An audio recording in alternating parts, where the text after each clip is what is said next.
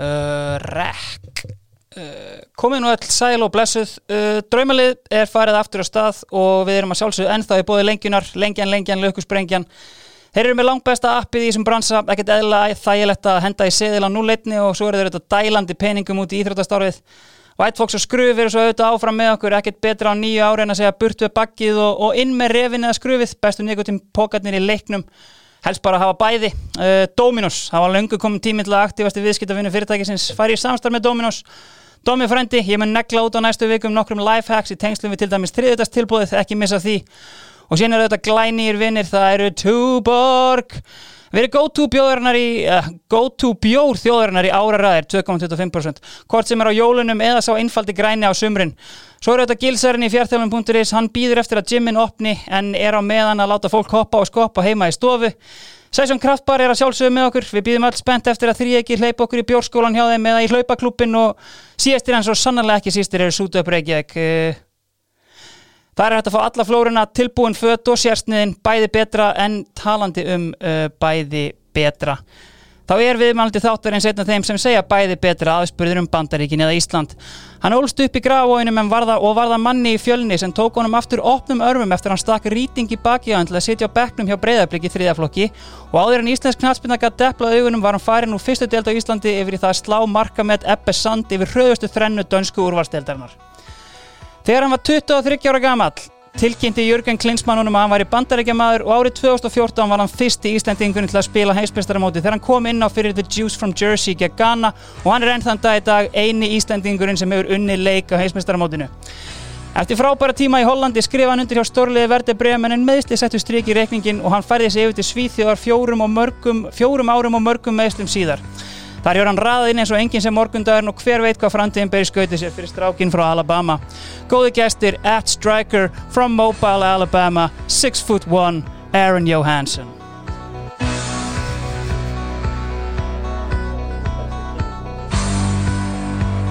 Voru ekki bránaði með þetta? Já, fára lála Þú getur spilað þetta hérna, við þinn ímsu tilefni held ég sko. Ég hef hafa þetta bara sem ringingunum Þetta er að besta hirt sko. Já, herru, sko, ef við byrjum bara á hérna, okkar mönnum í hérna, Session Kraftbar, þeir eru náttúrulega í bankastrættinu þar er frábær stemming og mikil gleði uh, Ég spurði þig svona aðeins úti hvar hefur svona verið og svona uppáhald staðurðin til að taka móralskan með liðsfélögum mm. uh, Var einhver svona sérstaklega sem kom upp í hugan?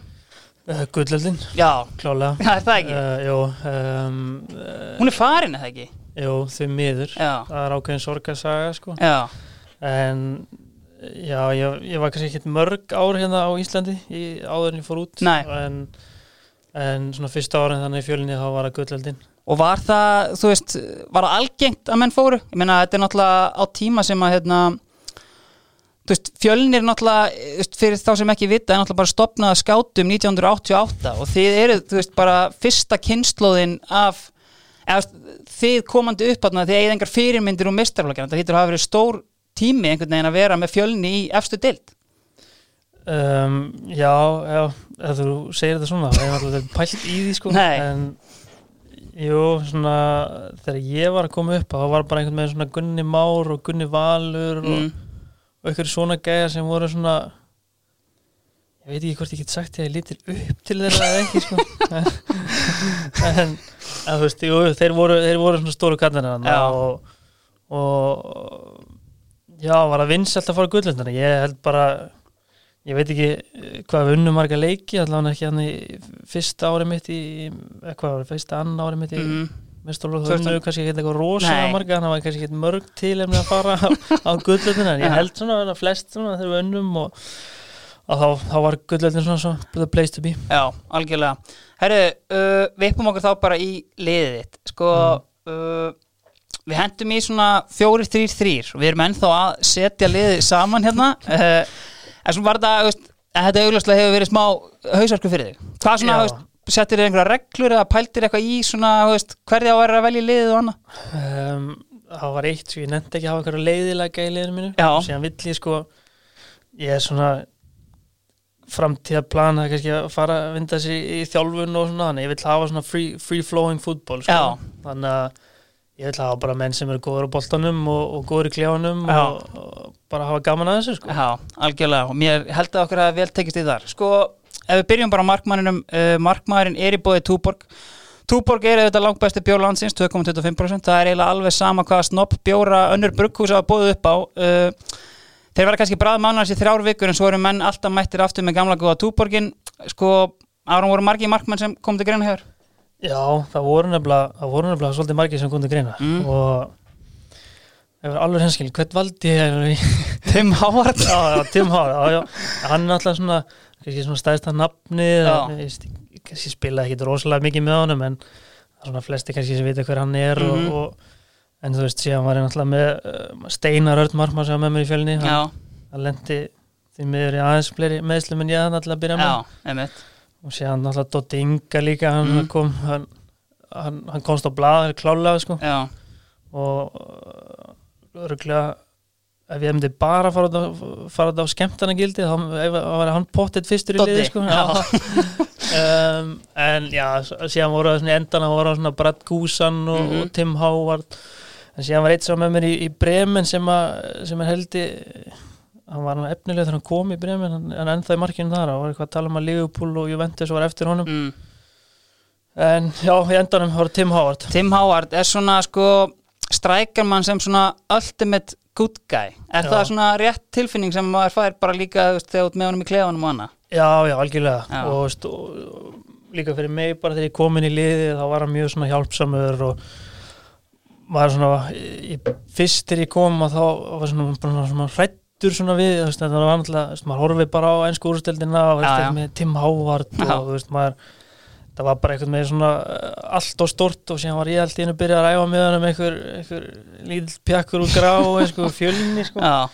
Þannig að, en já, bara tók mig mjög vel inn og hjálpaði mig mjög mikið og bara almennilega kall, sko. það sem að mann er ég hef stundum sko pælt í er einhvern veginn svona að til þess að einhvern veginn taka enn veist, stærra skref að því að hann fer til United veist, og er svona örgulega fyrsti kanin sem að fer veist, bara í þetta, hann fer bara beint úr MLS í byrjunlega hjá United. En svona veist, það sem vantaði kannski upp á var fannst manni bara svona einhvern veginn eh, lítill í sér þrátt fyrir að vera svona veist, stór karat, svona bara sem leikmaður. Var hann bara, hvernig var hann til dæmis bara á, var svona commanding gæi á æfingunum, veist, bara á presence og allt svoleiðis hjá Já, bandaríkjunum það, ég get ekki, þessi fyrri lýsingar með þeirri á United, það tengi ekki alveg við. Tim Howard sem ég allavega fekk ekki neitt, sko, en þá var það alveg bara komhanding og menn hlustu þegar hann opnaði Mm. þessu kjáttinn, sko. Já, geggja.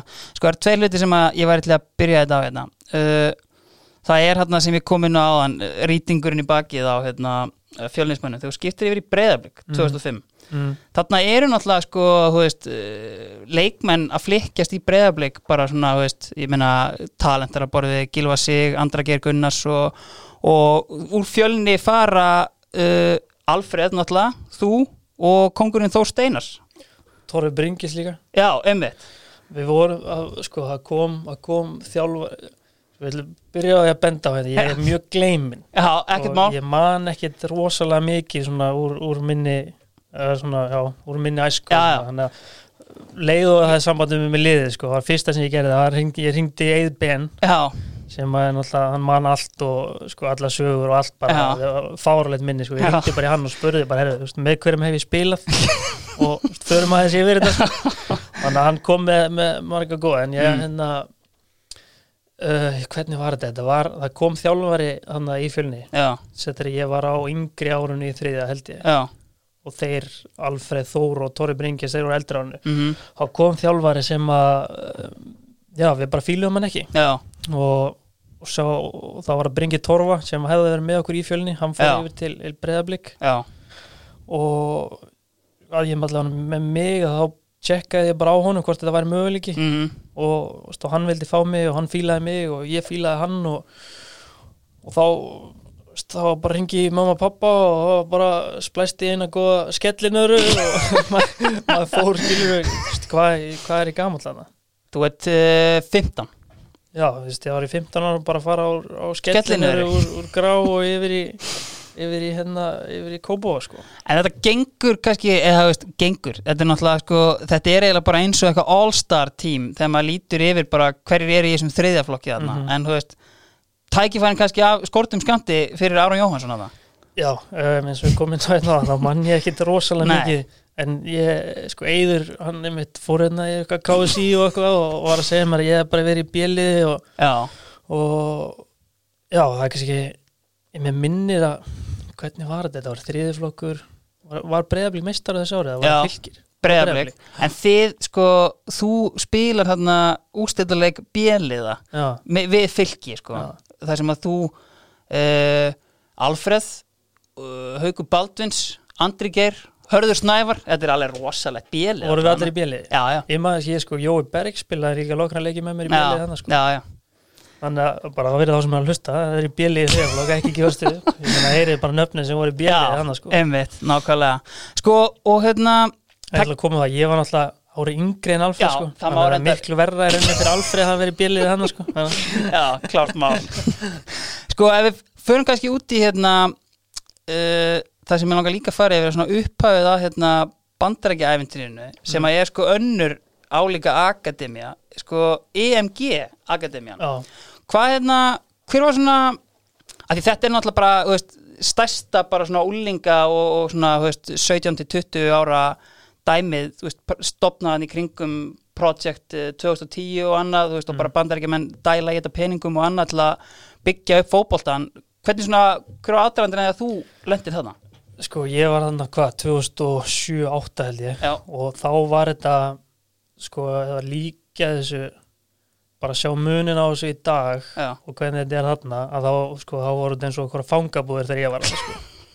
samt fannst mér þetta geðveikt sko. já. En málið að ég hef alltaf verið bæðið með fjölskyldinu, við hefum alltaf verið rosalega, við förum til höfum reynd að fara til Flórida hverju ári og, og hérna já, var alltaf eftir að mamma og pabbi sem byggu í bandaríkunum, alltaf reynd að fara þangað aftur og aftur, þannig að Mhm. við hefum farið svolítið í frí þarna og, og síðan var þetta svolítið menn að fara í hvað, svona Bobby Charlton skóla Já, já. og eitthvað svona, og þannig að mamma skoðaði hvort að ég geti farið í eitthvað svona, í eitthvað æfingabúðir Mhm. í einu fríinu þegar við vorum, þú veist, Mm og þá fer ég í eina viku í þennan EMG veist, í fótbolta akademíuna þannig -hmm. og það var held ég það var held ég sumarið eftir tíundabæk og þeim fannst, þeim fannst ég vera góður og þeir vildu fá mig og, og síðan var ég náttúrulega með amerísk já. ríkisbref þannig að þetta var að svona auðvelt að komast yfir. Mm en núna í dag ertu náttúrulega með þannig Soccer and Education. USA þannig Einmitt. algjör fagmenn sem sjá um krakkana í dag. Já, en mínum tíma þá var þetta bara mamma og, einhver fjögur þúsund blöð eða eitthvað sko. En allavega þá hérna þá fer ég í eina viku já, Já. þeir vildu bara fá mig og buðu mér að koma strax bara á skólasip já, en þá búið samþekki með henni í MS já. Þannig að ég hugsaði bara nei ég, ég, verði hérna mér langaði að fara í mentaskóla með strákunum og mér langaði að upplifa það líka Mhm. og, og þannig að ég fer í MS einmitt með Hörði Snævari og, og fleiri góðum, góðum mönnum Já. og það ár var helviti minnistætt. En uh, sen eftir það að þá hugsa ég bara, herði, þú veist uh, ég man ekki hvað ég, ég er í öðrum flokkur á yngsta ári Mhm. þá þá hugsa ég bara, þú veist, þá fæ ég að æfa í Flórida eh, sem í 30 gráðum allt Já. árið og á grasi og þá verð ég bara betri og þetta var skóli frá 8 til 12 já, og síðan hátegismatur og síðan æfingar eftir háti og, og stundum liftingar eftir það. Mhm. Og ég veit ekki hvort þú mannst eftir með því á lítill en það hefði ég gott að því allavega að fara í smá, smá liftingarsal sko Já, og var ekki alveg svo stæðsti og sterkasti sko En hvernig svona var að því að hérna, það sem hefur helst kannski þegar ég hef til dæmis talað við hérna, þá sem ég þekki sem hafa farið í til dæmis bara svona önnur sokkarprogram í bandaríkjunum, mm. þá talaði kannski um að veist, þjálfaratnir, þú veist svona fótboltaleg þekking Mhm. er svona annarkvort bara mjög sérstök eða bara léleg. Hvernig var svona gæðin á þjálfuninni veist? Já, hún var mjög góð þarna sem ég var Já. af því sko að þeir eru með svona prógram þarna eða voru með, ég heldur sér hætti með það núna að þeir eru með bara U17 á landslið býr bara á þessum stað Þetta er svona hálfgert Clairefontaine eins og fyrir franska landsliði, sko, já. Já, ég veit ekki mikið hvað það er sko en ég veit hérna já, þeir voru með svona 17 ára undir 17 ára þarna Mm og þá voru stundum strákar sem voru ekki alveg nóg góður í U17 að þá komu þeir yfir í EMG og æfðu með okkur. Já, já, já. og þannig að þjálfarinn sem við vorum með voru alveg með svona veist, international gæði Mm og já, þú veist þetta var bara geðveitt ár sko. Og veist, ég fekk alveg mörg bóðu líka eftir það af því að þú veist, þetta AMG, EMG var svona svolítið þekkt að þá, fylgst mér rosalega vel með leikjum hjá okkur og svona. Já, og fekk alveg nokkuð bóðum að fara í háskóla. Já, en uh, sem Ekki var, það- var bara Borgó sem var fyrir valin sko. já, einmitt, skiljanlega. Herru, ef við vippum okkur þá bara upp í hérna vörnina og vörnin er í búið fjartjálfum.is gilsarinn stendur í auga stormsins á internetinu og gagvart sótvarnar yfirvöldum en ef þið eru hægt að lítast á blikuna uh, og vilt byrja að hreyfa þig og koma þér í stand þá kíkir hérna fjartjálfum.is hefur við samband við hann og hann reddar þér, það er lofvart góður dílarinn í ef að vinnufélag vilja fara í keppni eða annað og hérna bara þetta er maður sem er með alltaf hreinu, það er löngu vitað. Aron, var að byrja bara á uh, hægri bakverðinum hvernig það fæ ég frýtt prógram frá gilsanum ef ég er í þetta við getum eitthvað bara hringt í hann sko en hérna, já, veist ekki frítt en, en við getum skoðað eitthvað Já, sko. ok, ok, já, ok. alveg klálega. Gott mál.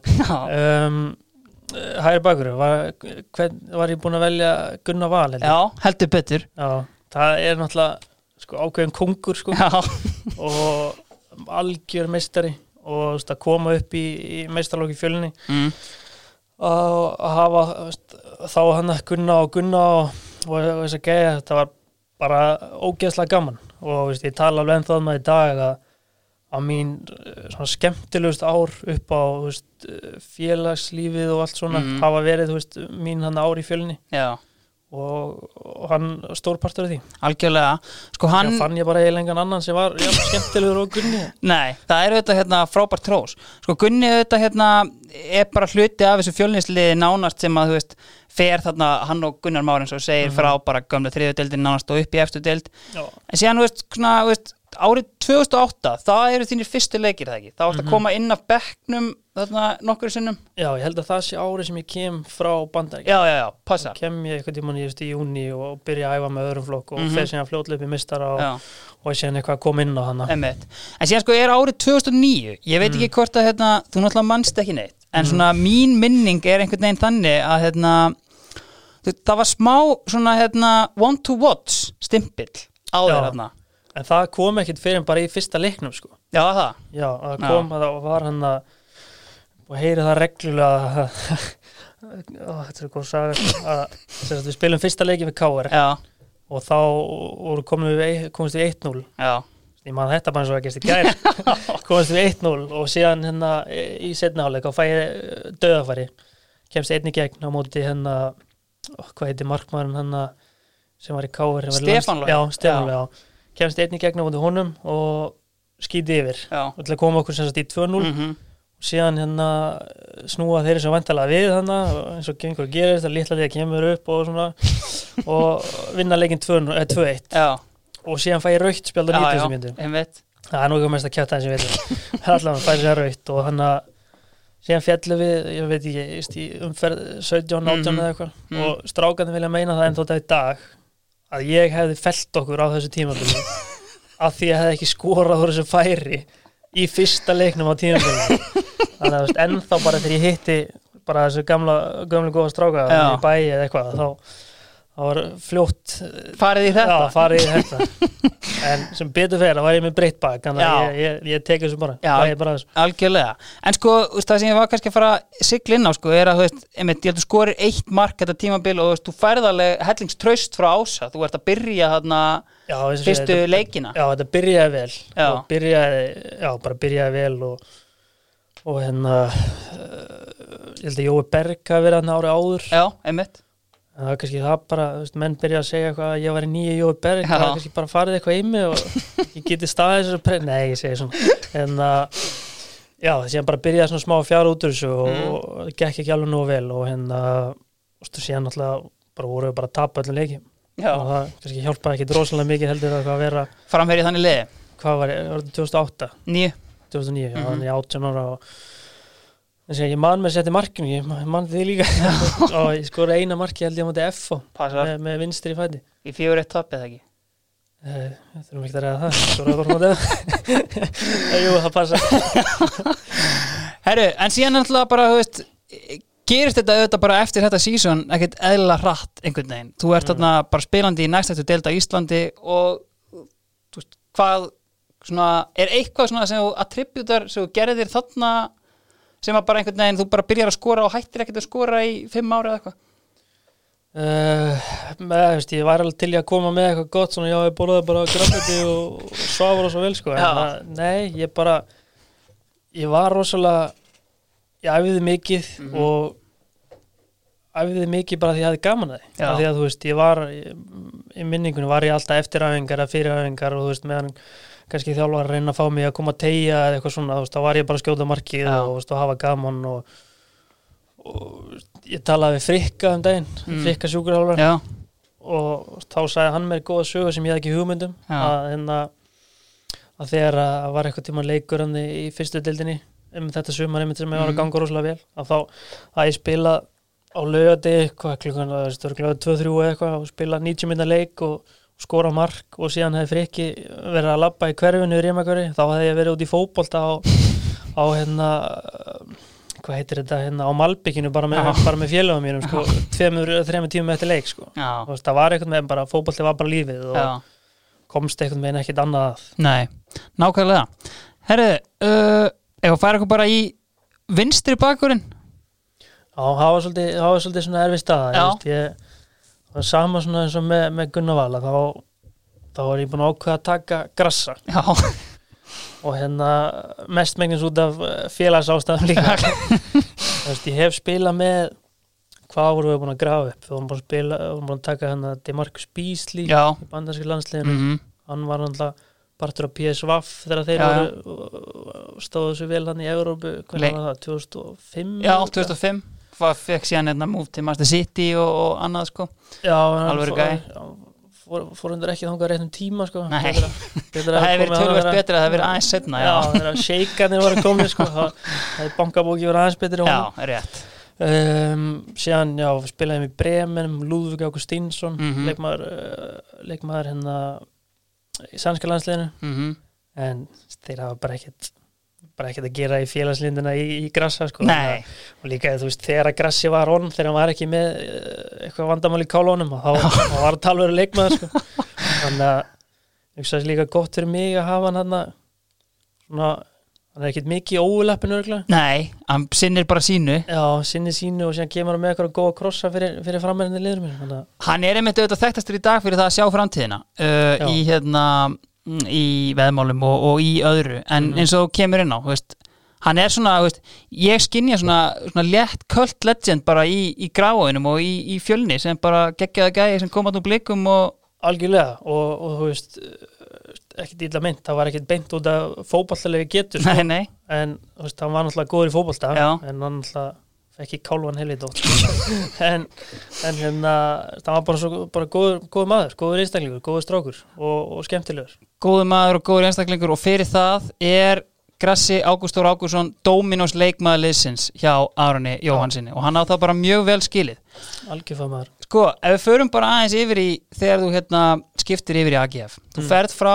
fjölni sumarið 2010, klárar ekki deildina er samt markaðastur, bestur og efnilegastur voru einhver önnur liði myndin heldur en AGF? Nei. Nei, hvernig komið þetta upp?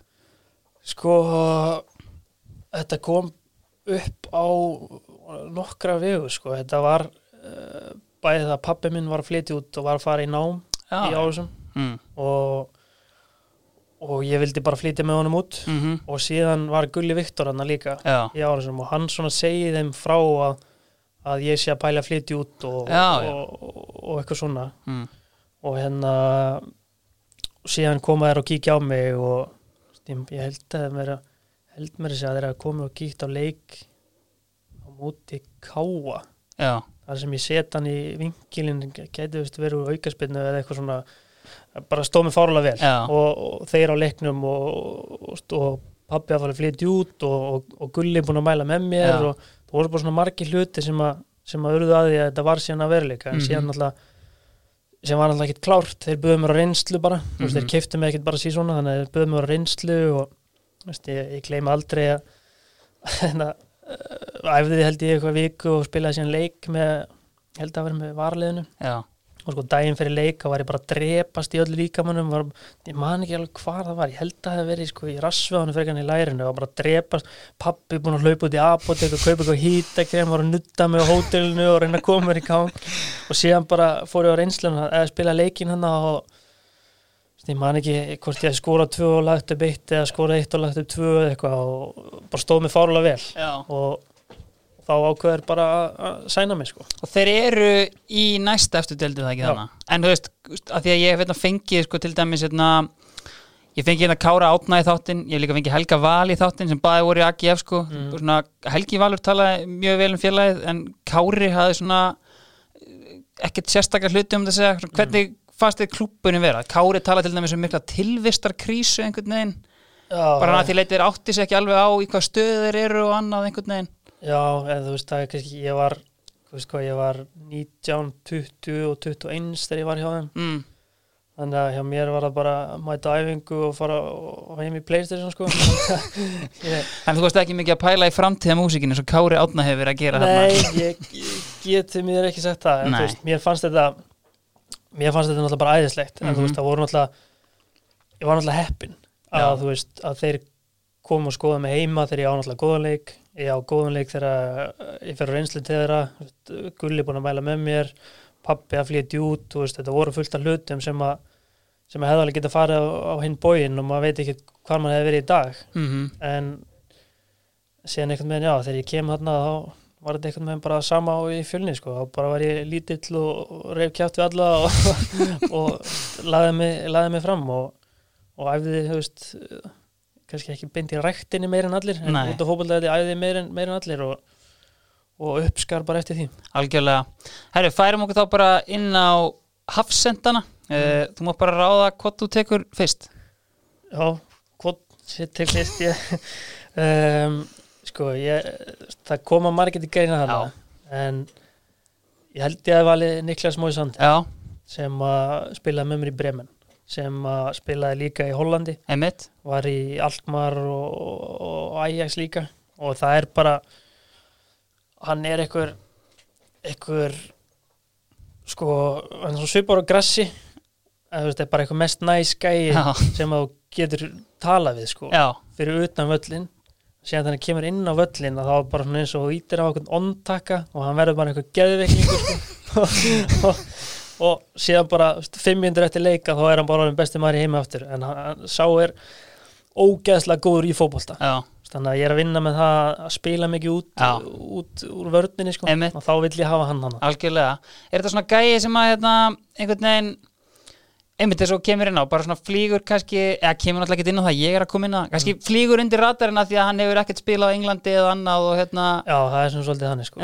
og þú veist, ég sé hann heldur ekkit þetta er svona gæi, ef hann myndi fara til Englands þá geti hann farið í Manchester City Já. eða Arsenal já, og veist, svona lið sem að vilja spila fótbolta Mhm. og þú veist, það er hægri að vinstri löpinn það skiptir ekki máli, en þú veist, hann er ekki 85 kíló á kjöti Nei. og veist, er að vinna alla skallaboltana en Mhm. þú veist, hann er með hann er með alveg fótbolta heila og, er- og er góður að spila boltanum út, sko.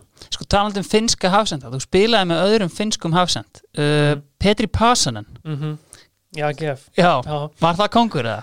hann var algjör meistar líka. Já, Hann, hann var með í Bremen líka. já, einmitt, hann er bara Bremen legend, sko. Já. já, hann, ég, sko ef hann hefði verið að koma bara frá Finnlandi mm. að þá efast um að ég, ég hef bara vilja hafa hann í liður hann var alltaf komin að aðeins á öfri árin, Já, sko. ég held hérna- að þetta hafi verið svona örgulega síðasta lið hans Já, eh, ég held að hann að klára þarna í latti í finnsku deildinu, sko. akkurat, en, það hérna, var síðasta fyrir utan Finnland já, en þú veist, það bara engin gæði eftir og alveg búin að. Jó, þú veist, maður sá alveg að það voru gæði en Mm. þú veist, eh, kannski bara svolítið þreyttur á þig Nákvæmlega. En hver, að, hérna, hver að Einhver fleiri sem kom til greina? um, Já, hvern hvern var ég með? Var ég með John Brooks?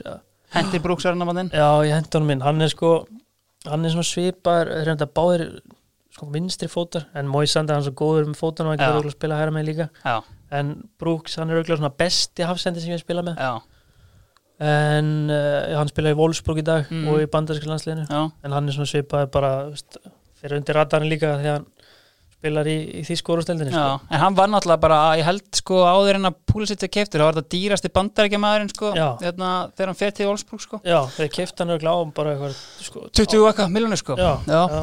algjör gæði sko en hérna hva, Nei, byrju, síðan var ég að hugsa. Vestegard Já, Jannik Vestegård hann er náttúrulega, hann er að standa sig vel núna mm og hann er náttúrulega líka búin að vera í stórum liðum í Þýskarandi og -hmm. kannski neglum honum að inn Fyrir brúksaran, hann er náttúrulega líka vinstar með, hefur ekki spilað með neinum góðum hæra Petri Passanen tólti, tólti maðurinn, hann er hann verður hæra með sko. Veist, hann kemur inn af bekknum. Já, en já, kannski setjum Vestegard hann hann Ok. er náttúrulega, þú veist, hann er tröll sko. já, og þú veist, ég man þegar ég, kom til Bremen á, á í fyrstu vikun ég, ég tala dönsku eftir að vera í Danmörku og, og svona á bonda maður við hann að þegar maður tala svona dönsku og svona að síður með, þú veist, eitthvað svona skilur og hérna og síðan fóru við reytabólta bara í fyrstu vikunni, daginn fyrir leik. Og ég kloppaði hann í reytabóltanum og hann horfði á mig og sagði á dönsku Aron og gerir þetta aftur og bríti að lappinnar og ég bara sprakk látur ég er bara að grínast. Já. Og hann horfði bara á mig, bara svo alvarlegur í andlitinu að ég var bara, shit sko En þetta er gæi bara, þú veist, ætla maður sér það hérna, veist, allir leikir sindir í beinni hérna Mm. Englandi, þú veist, bara gauð sem getur náð, jafnvel bara ennþá lengra. Danski Van Dijk er hann kallaður í dag, sko. já, hann er alltaf að standa sér fárlega vel í dag Mhm. en hann er, hann, er, hann er líka mjög góður í fótbolta sko Já, einmitt. síðan er hann, ég veit ekki hvað hann er hára hann er auðvitað 1.90 Hann er, ég held, tveir metrar. já, ok, Já, já, bara er, sko. já, rísastór Já. og algjör vél í rauninni sko. Mhm. þannig að, jú, hann, hann fyrir auðvitað hann alltaf að bróta með lappin Já. já, já, veist, já, já hann er bara mjög fýtt sko Mm Algjörlega. Herru, Vestegård, hendum Brooks bara út í Já. hegana. En sko, Brooks samt sem áður, eh, ef við tengjum þetta inn í hérna ákveðna umræðu, sko, þegar þú kemur inn í landslið hérna hjá Klinsmann, það sem þú komst inn á áðan að koma kannski svona, þú veist, nýr inn í Mhm. landslið, þú veist, ekki frá bandaríkjunum, Brooks er náttúrulega hérna ættað frá Chicago en aldrei búið bandaríkjunum heldur. Þú veist, hjálpaði þetta, veist, að Klinsmann var einhvern veginn nánast búin að breyta þessi eitthvað félagslið, það, kannski að, að, veist, að það voru fleiri veist, eins og þú Já, eða sko, eh, þegar ég kem inn að þá er þetta svolítið það var alveg svolítið steikt stemming í byrjun það var til dæmis í, í, í þegar hún var að borða og svona að Mhm. þá þú veist, voru kannski svona fimm borð, þú veist, það voru þjálfurinn þarna og leikmenn og leikmenn og síðan voru þú veist bara þjóðverjar á þessu borði. Já, Þú veist, það voru kannski nóg bara sex, bara sex, sjö þjóðverjar sem að var alveg svo brúks sem að þú veist pappi er að hermenn eða eitthvað að fara til Þýskalands og stegna síðan einhverja þýska konu eða Mhm. eitthvað. Og stu, síðan varstu með náttúrulega ameríst borð, kannski tvö eða eitthvað. Og síðan varstu með mexikanst borð þar sem var bara tölu skilur spænska. Og hérna og, og síðan varstu með svona svona borð sem var svona smá bara eitthvað mix eða eitthvað, þá var veist, ég var ég var enda bara á öllum borðum. Já. ég, sem betur fyrir hef ég það í mér ég er svolítið svona opin personleiki og þú veist gaman að tala og spjalla en ég get svona sest bara hér og þar sko. Já, og þú veist þú síðan var eitt frá Nóri til dæmis já Maggi Mix, diskuruð já, já, já. Mix diskur út þetta og hann hérna, hann var svona svipar og ég Mhm. en hann hefur aldrei heldur búið í bandaríkjum en hann átti fjölskyldu sem var bandarísk og þetta var svona í byrjun var þetta svona svolítið svona, svona hópaskipt Mhm. en síðan eftir þegar Klinsmann sá þú veist þetta var þannig að þá var þetta veist, þá breytta hann bara öllu reglum bara þú veist bara einn þjóðveri má sitja á þessu borði og einn hérna og, og veist uh, hann var mjög fljótur að breyta þessu Mhm. þannig að við urðum urðum mjög fljótlega bara svona lið sko. Mhm. Hvernig upplýður svona, veist, ef þú varst eitthvað var við það, bara svona veist, var einhver umræða um þetta í bandaríkjunum, þú veist, að mennum finnst þetta steikt eða fannst mennum þetta bara geggjað að vera, að sækja þessum leikmann? Já, það, er, það voru náttúrulega uh, menn með skipta skoðanir eins og gengur að gerist og það voru ekki allir sem voru að fylgja þessu eða voru sammálað þessu. Nei, en við náðum árangri já og þetta snýst náttúrulega endanum um- snýst um að ná árangri mm og, og við gerðum það og, og hérna já, veist, sérðu þegar klinsmann hættir að þá fóruð þeir ekki á HM sko. Hvernig gæi er hérna Jürgen Klinsmann? Hann er náttúrulega sko hann er mjög svona, ég ætla ekki að segja kannski, eða þú náttúrulega kannski veist það betur, en mín tilfinning er einhvern veginn að hann sé ekkert sérstaklega vel liðin í Þískalandi einhvern veginn svona, hálfgerður svona outsider þar, orðið undir í einhverju valdabaróttu við Lothar Matti og svo eitthvað Mhm. svoleiðis og svona einhvern veginn svona give a fuck attitude í honum sem kannski ekkert allir fíla en svona hvernig voru þín kynni á honum bara Já, þetta er, hann er svolítið svona bara ég feð bara mín eigin leið sko. Já, og, og hann gerir bara hlutin eins og hann vill gera og er skýt saman hvað öðrum finnst og það var einmitt þannig þegar hann tók mig í landsliðinu að þá þá var hann svona einn af fyrstu sem að réði inn svona hvað heitir þetta, svona strength and conditioning coach Mhm. og, og, og var að gera alls konar svona skrýttan hluti sem Mhm. var bara mjög nýtt þá og, og hann hefði eiginlega þurft bara að vinna alla leiki til þess að fólk myndi samþekja það Já, og síðan lendar þeir, þeir tapa ykkur leikjum dutt út hann á HM hvort það er undanúsliðum eða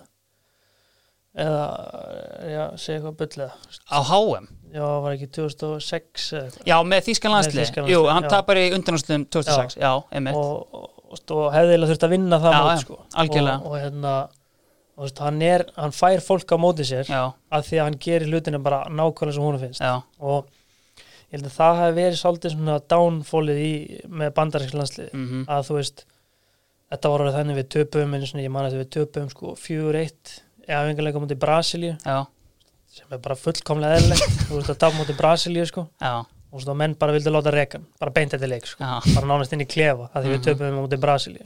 En það var bara því að hann var búin að hann talaði alveg mjög opinskátt um það að menn þurftu að yfirgeða bandaríkin snemma til þess að einmitt. verða betri og allt svona. Þannig að veist, hann fekk ákveðna hópa upp á móti sér.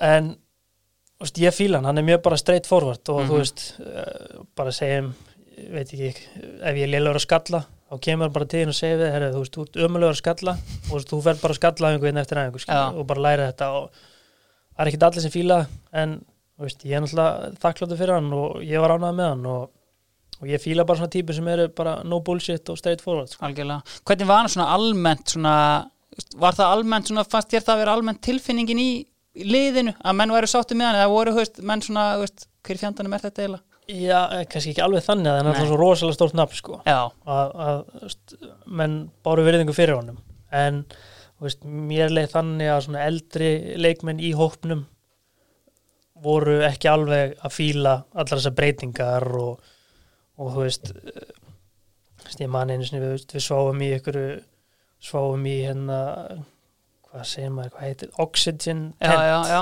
oxygen tent, já Já, þú veist, að því vorum að fara að spila ykkur leik og, og látni sofa í því daginn áður og þú veist ég man ekkert hverji nákvæmlega voru en þú veist kannski ykkur 35 ára leikmenn sem hefur að fara að sofa í ykkur súrefnistjaldi þeir kannski er ekkert alveg að fíla það. Nei, og þú veist við fengum fengum bækur með mataræði og þú veist og hann vildi bara veist, varst að fara í íspað eftir æfingar þú veist Já. í áttamíundur og þú veist og ef þú gerði það ekki þú veist þá voru bara menn sem skrifaði niður bara herrið þú veist Aron far ekki í íspað í dag. Þá var bara fundur skilur bara af hverju gerir þetta ekki? Og ef þú gerir þetta ekki þá ertu bara ekki val shit. Og síðan alltaf hann verður náttúrulega að velja þessa stæðistu skilur og þannig að þú veist, jú, jú, það voru náttúrulega ykkur sem voru ekki sátti með hann. Mm. en svona yngri, yngri strákanir sem er að koma inn að þeir, þeir hafa eitthvað aðra kost á völun bara að segja já að menn sko. Klart mál. Það sem þú segir hérna, sko, hann verður að velja á stærstu, hann alltaf gerði það ekki hann skilur hérna Landon Donovan eftir, sem að Mm. mér finnst svona kannski, veist, eftir það einhvern veginn, þá eins og þú segir, þú veist, að hann bara varð að vinna hvern einasta leik til að Já. vera í hérna jákværi umræðu. Hvernig fór það svona, veist, sérstaklega einhvern veginn í hópin bara að kongurinn væri ekki á sveðinu? já, sko fyrir okkur var það ekkit stórmál Nei, fyrir okkar yngri strákan það sem voru að koma inn skilur Mhm. mm. að við vorum svona, svona yngri kjarni í landsliðinu mm og veist, fyrir okkur var þetta náttúrulega ekkit stórmál en veist, ég, ég, ég glemis aldrei við vorum hann að örgulega einum og hálfu mánuði fyrir HM og vorum við það var 30 æfingum. Og það var bara 23 sem er að fara á móti. Og, og æfingarnar voru bara menn að drepa hvern annan. Bara, menn lögðu sér fram bara eins og þetta væri úsletalegur á HM sko. og síðan kemur bara hann köttar veldi fyrstu þrjá fjóra kannski tveim vikum fyrir svo veist, hann þarf að velja síðastu Mhm. mm hópi sinn og veist, þá var bara allir leikmennin inn í klefa. Og það er bara er þú einna ég man ekki hver að var það var kannski Úf, ég man ekki hverju voru nei, Eða bara segjum bara einhver þú veist, það bara, bara kom inn pikkaði pikka í hann og sagði herri, kotið hann með mér. Og bara fundur í, í fimm mínútur. Og síðan kom leikmaðurinn bara hágrátandi inn í klefa aftur og pakkaði dóturinn sín og, fór heim sko. shit, maður. Þetta var bara alveg bara survival of the fittest skilur og síðan allt í hennu og voru búið að kötta bara fyrir síðustu síðustu vikuna og var búið að kötta allan um eitthvað og tvo þrjá mm. og menn voru náttúrulega alltaf bara, þú veist er ég að fara á HM eða ekki Mhm. þú veist, og ég var alveg í því, þeirri kategóri þú veist, ég, ég var ekkit viss hvort þeir varum að fara og við Mhm. vorum örgulega, örgulega svona 15 sem hann hefði getið tekið og ekki getið tekið sko. Já, síðan kemur hann bara, herri hérna Landon kotið hérna og við allir bara, þú veist, það bara og við getum höfst somnált þetta að við bara, nei hann er ekki að fara að gera þetta en menn, hann fer bara sína eigin leðir mm. Veist, þetta er bara svona svipa segja, þú veist, Eður Smári er alltaf miklu betri en, en Landon Donovan en, en þetta er bara, hann var bara stæðsta nafnið Já. langstæðsta nafnið mhm, Þú veist, þetta er bara eins og við myndi skilja hann eftir fyrir hann að EM eða eitthvað sko. mhm og fyrir okkur að, að horfa á hann kötta hann en þú veist, líka þegar að búið að kötta hann að þá vissum að þú væri í hópni sem var að fara á HM. Já, já, en það var náttúrulega, var náttúrulega bæði gleði og síðan bara svona að þetta var svona smá óþægild momentin í þarna. En þú veist, hvernig var bara svona almennt samt bara, þú veist, upplifin bara að mæta til Ríó bara, ég mættur hérna á HM, fyrstur Íslandinga uh, þá var þetta bara eðlilegt sko. Já, þetta er ekkert fyrir en bara þú veist, al, bara, bara núna undanfæri kannski eitt ári eitthvað svona eldast og maður Já. að fá svona faðir og tilfinningar og þú veist þá var þetta bara fullkomlega eðlilegt sko.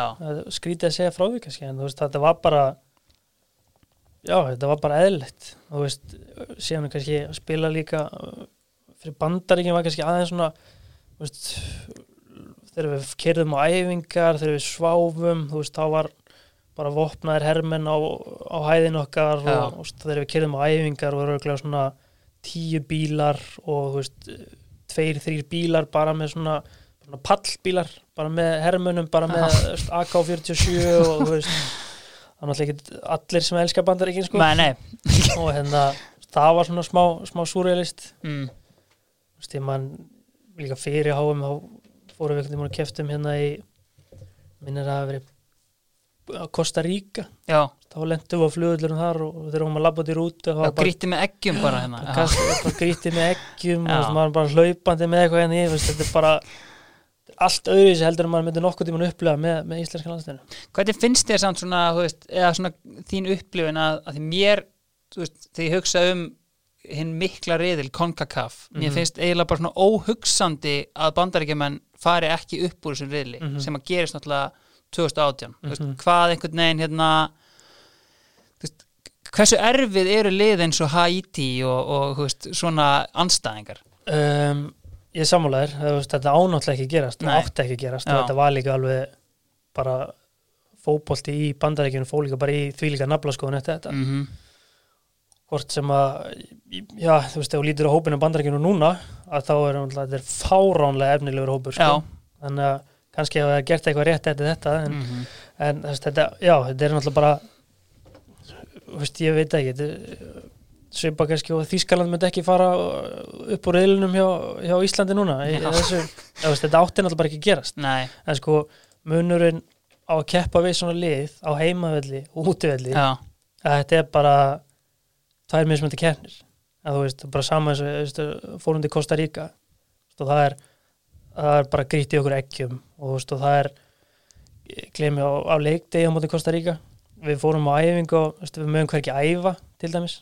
Tveimur dögum fyrir leik, þá vorum við að æfa á, bara á, á grasvelli á mjölku samsölu þannig og veist, það er ekkert gras og þetta var, þetta var bara veist, hólur og hæðir já, og það var fárálegt og síðan daginn fyrir leik og þú út af FIFA og farið að æfa á vellinum. Já, og tók okkur svona 20 minnur að kera æfingu. já, síðan á leikdi, þá var búið að plana það að allir leigubílar og allir sem eiga bíl bara í borginni myndu blokka veginn. Þannig að það voru svona þrjá klukkutíma á leiðin á völlin og einu sinni, ég var þetta ekki með í þeirri ferð þá fóru við að spiluðu við Honduras. Mm, og þá bara klukkan 2 um nóttina þá búið að setja bara einhverja 5 trukka af hátölurum fyrir utan hóteli og bara spila tónlist allan tíman Þannig að þetta er sko, þú veist, Davíð á móti Goliat og Davíð er að lemja vel frá sér í rauninni. Já. Þannig það er kannski sko svona, Honduras er náttúrulega alveg búin að vera þekkti fyrir að vera með fínt lið sko. Já, já, já, hafa farið á HM Já. og, og annað, sko. Já, en þú veist, þegar maður spila við kannski minni þjóðunum og svo, svo nefndir Haiti Já. og kannski Panama og svona, Já. og veist, þá er bara það er gert allt já, og það er einhvern veginn allt leifilegt einhvern veginn, þú veist og já, þetta er, þetta er veginn allt öðruvísi heldur en þú veist, að fara að spila hérna á móti við Danmörku skilur, Já. eða veist, Ísland spilar á móti Hollandi eða mm, veist, þetta er bara smá súrealist sko. algjörlega Herðu, færum okkur þá bara hérna Já, kannski Gilsarinn, hann er með spurningu svona, Já. hver er svona harðasti leikmaðurinn sem þú spilaði með á ferðinum? ég hugsaði þetta vel lengi en síðan allt í henni kom Jermaine Jones Já, hann er vel harður já, hann er bara, hann er hann er líka no bullshitari sko. Já, ég kom inn á hann að spila við æfingarleiku í Brasilíu.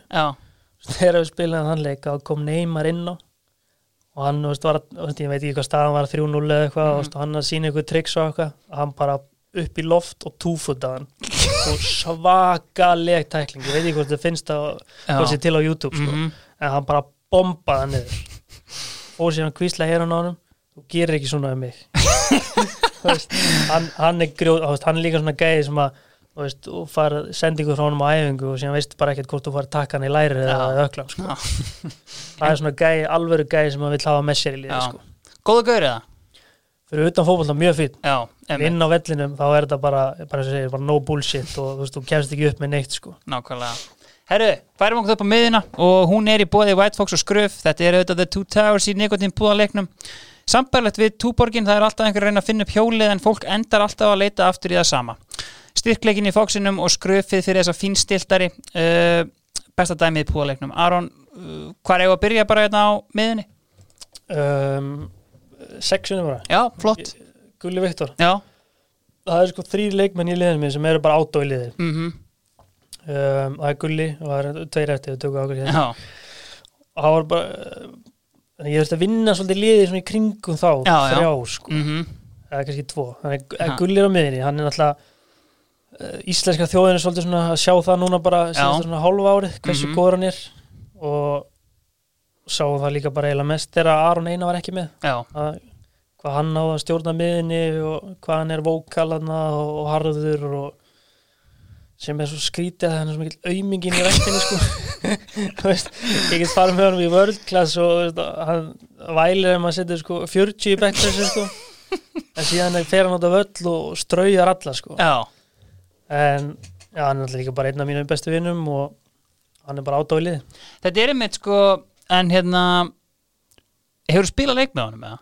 í landsleinu, undir til þeim Já, þið vita, hvernig læt ég? En sko, komst inn á hann hann er svona maðurinn sem kemur er til hérna AGF, var hann farin þarna til Leopold eða var hann hérna, já, hann var farin hann var farin þannig að þú veist, hérna og eins og hérna þú ert kannski búin að koma inn á hérna uh, bara góður uppgangur og gaman að sjá hann í dag Já, Já. já, hann, þú veist uh, hann er búin að ganga í einhvern fárulega mikið í Mhm. lífunu og bara að vera eitthvað rosa væmin hérna, Nei, en, veist, ég er bara stoltur af því að sjá hvað hann er búin að ná langt með Mhm. hvað hann er búin að eiga erfitt og það er ekkert allir sem vita hvað hann hefur gengið í gegnum mm -hmm. og bara, já, bara sjá hann veist, hvað var, var ekki veljan næst besti fótboltamæður ásins á Íslandi á KSI held ég mm þannig að þetta er bara, bara geggja að sjá hann. Veist, hann hefur alltaf verið, verið góður í fótbolta og, og góður í sínu og, Mhm. og grjótharður hann á vellinu Já, en já, það er bara svolítið að koma í ljós núna. Algjörlega.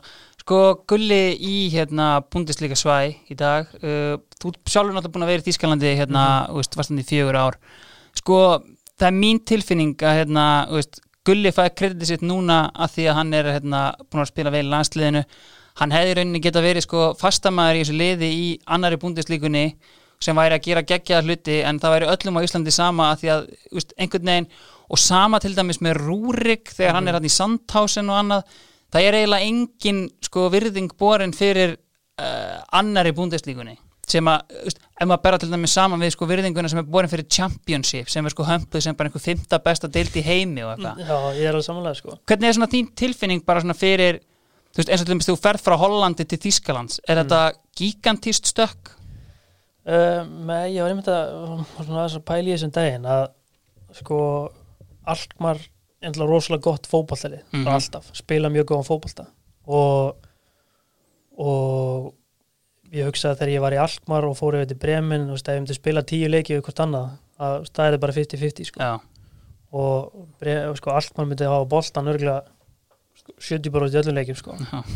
en það er bara þegar þú ert komin til uh, Þýskalands og veist, Bremen er náttúrulega stórt lið og risa lið og hérna það er bara fótboltin öðru þú veist, þú ert kannski Bremen myndi fá þrjár hótspennur á móti Alkmaar og þeir myndi bara skora. Leikmenn eru bara stærri, leikmenn eru sterkari þeir eru meira fitt mm. en í, í Alkmaar er kannski betri í fótbolta. Já, og veist, meina, það er ekkit ástæða lausu fyrir að, að framherjar í góðum liðum í Hollandi skora miklu meira heldur en þeir gera veist, í, í average liðum í, í Þískalandi eða í, Englandi já, í Englandi eða eitthvað Mhm. svona þannig að uh, já, de- deildin er náttúrulega góð mm. og veist, þetta er stór deild, ég meina þú ert, að- ert kannski spila einn daginn að spila á móti Hamburg og það er 55.000 manns á veist, þetta gerist ekki í mörgum öðrum löndum. Nei, og ég, ég man en hann ekki Andri Rúna sem var í, í Kæsist Kæsistátturinn, ég held að fyrsti leikurinn hans á veist, var 45.000 manns Í í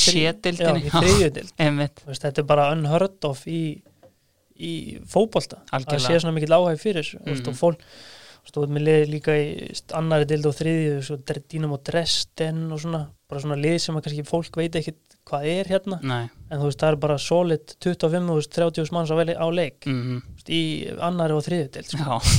Fólk bara deyr fyrir klúpi sinna það er sam, basically sama hvort þú sért í fyrstu, annari eða þriðju sko. mm upplifur þetta einmitt svona, veist, talar um það, veist, þetta element einmitt sko deyja fyrir klubbin, ef það er einhvers þar þá er það í Þískalandi, það sem Mm. að þú veist mikið til sko, veist, stöðningsmenn eiga liðin í einhverju Mhm. svona formi og menn gjörsanlega hata hérna, Wolfsburg og, Leipzig, veist, Mhm. er þetta bara svona, veist, að einhverju leiti bara svona ákveð mekka fótboltans í dag, veist, svona með tilliti til svona tengingu við bara the fans og annað svona ég, ég, ætla, ég veit ekki nákvæmlega hvernig þetta er hann í Englandi mm. en þú veist hann í Englandi til dæmis þá ertu með aðdándaklúpa frá Liverpool og, og United og Arsenal líka við að menn sláist bara hérna á players og horfa á leiki skilur en veist, það var aldrei fara út á leik Nei. svona og veist, veit ekkert hvernig er að búa í bænum eða hvernig er að mæta á leiki og hvað það þýðir fyrir fólk sem að, veist, er úr svæðinu. Veist, þessu í Bremen að þá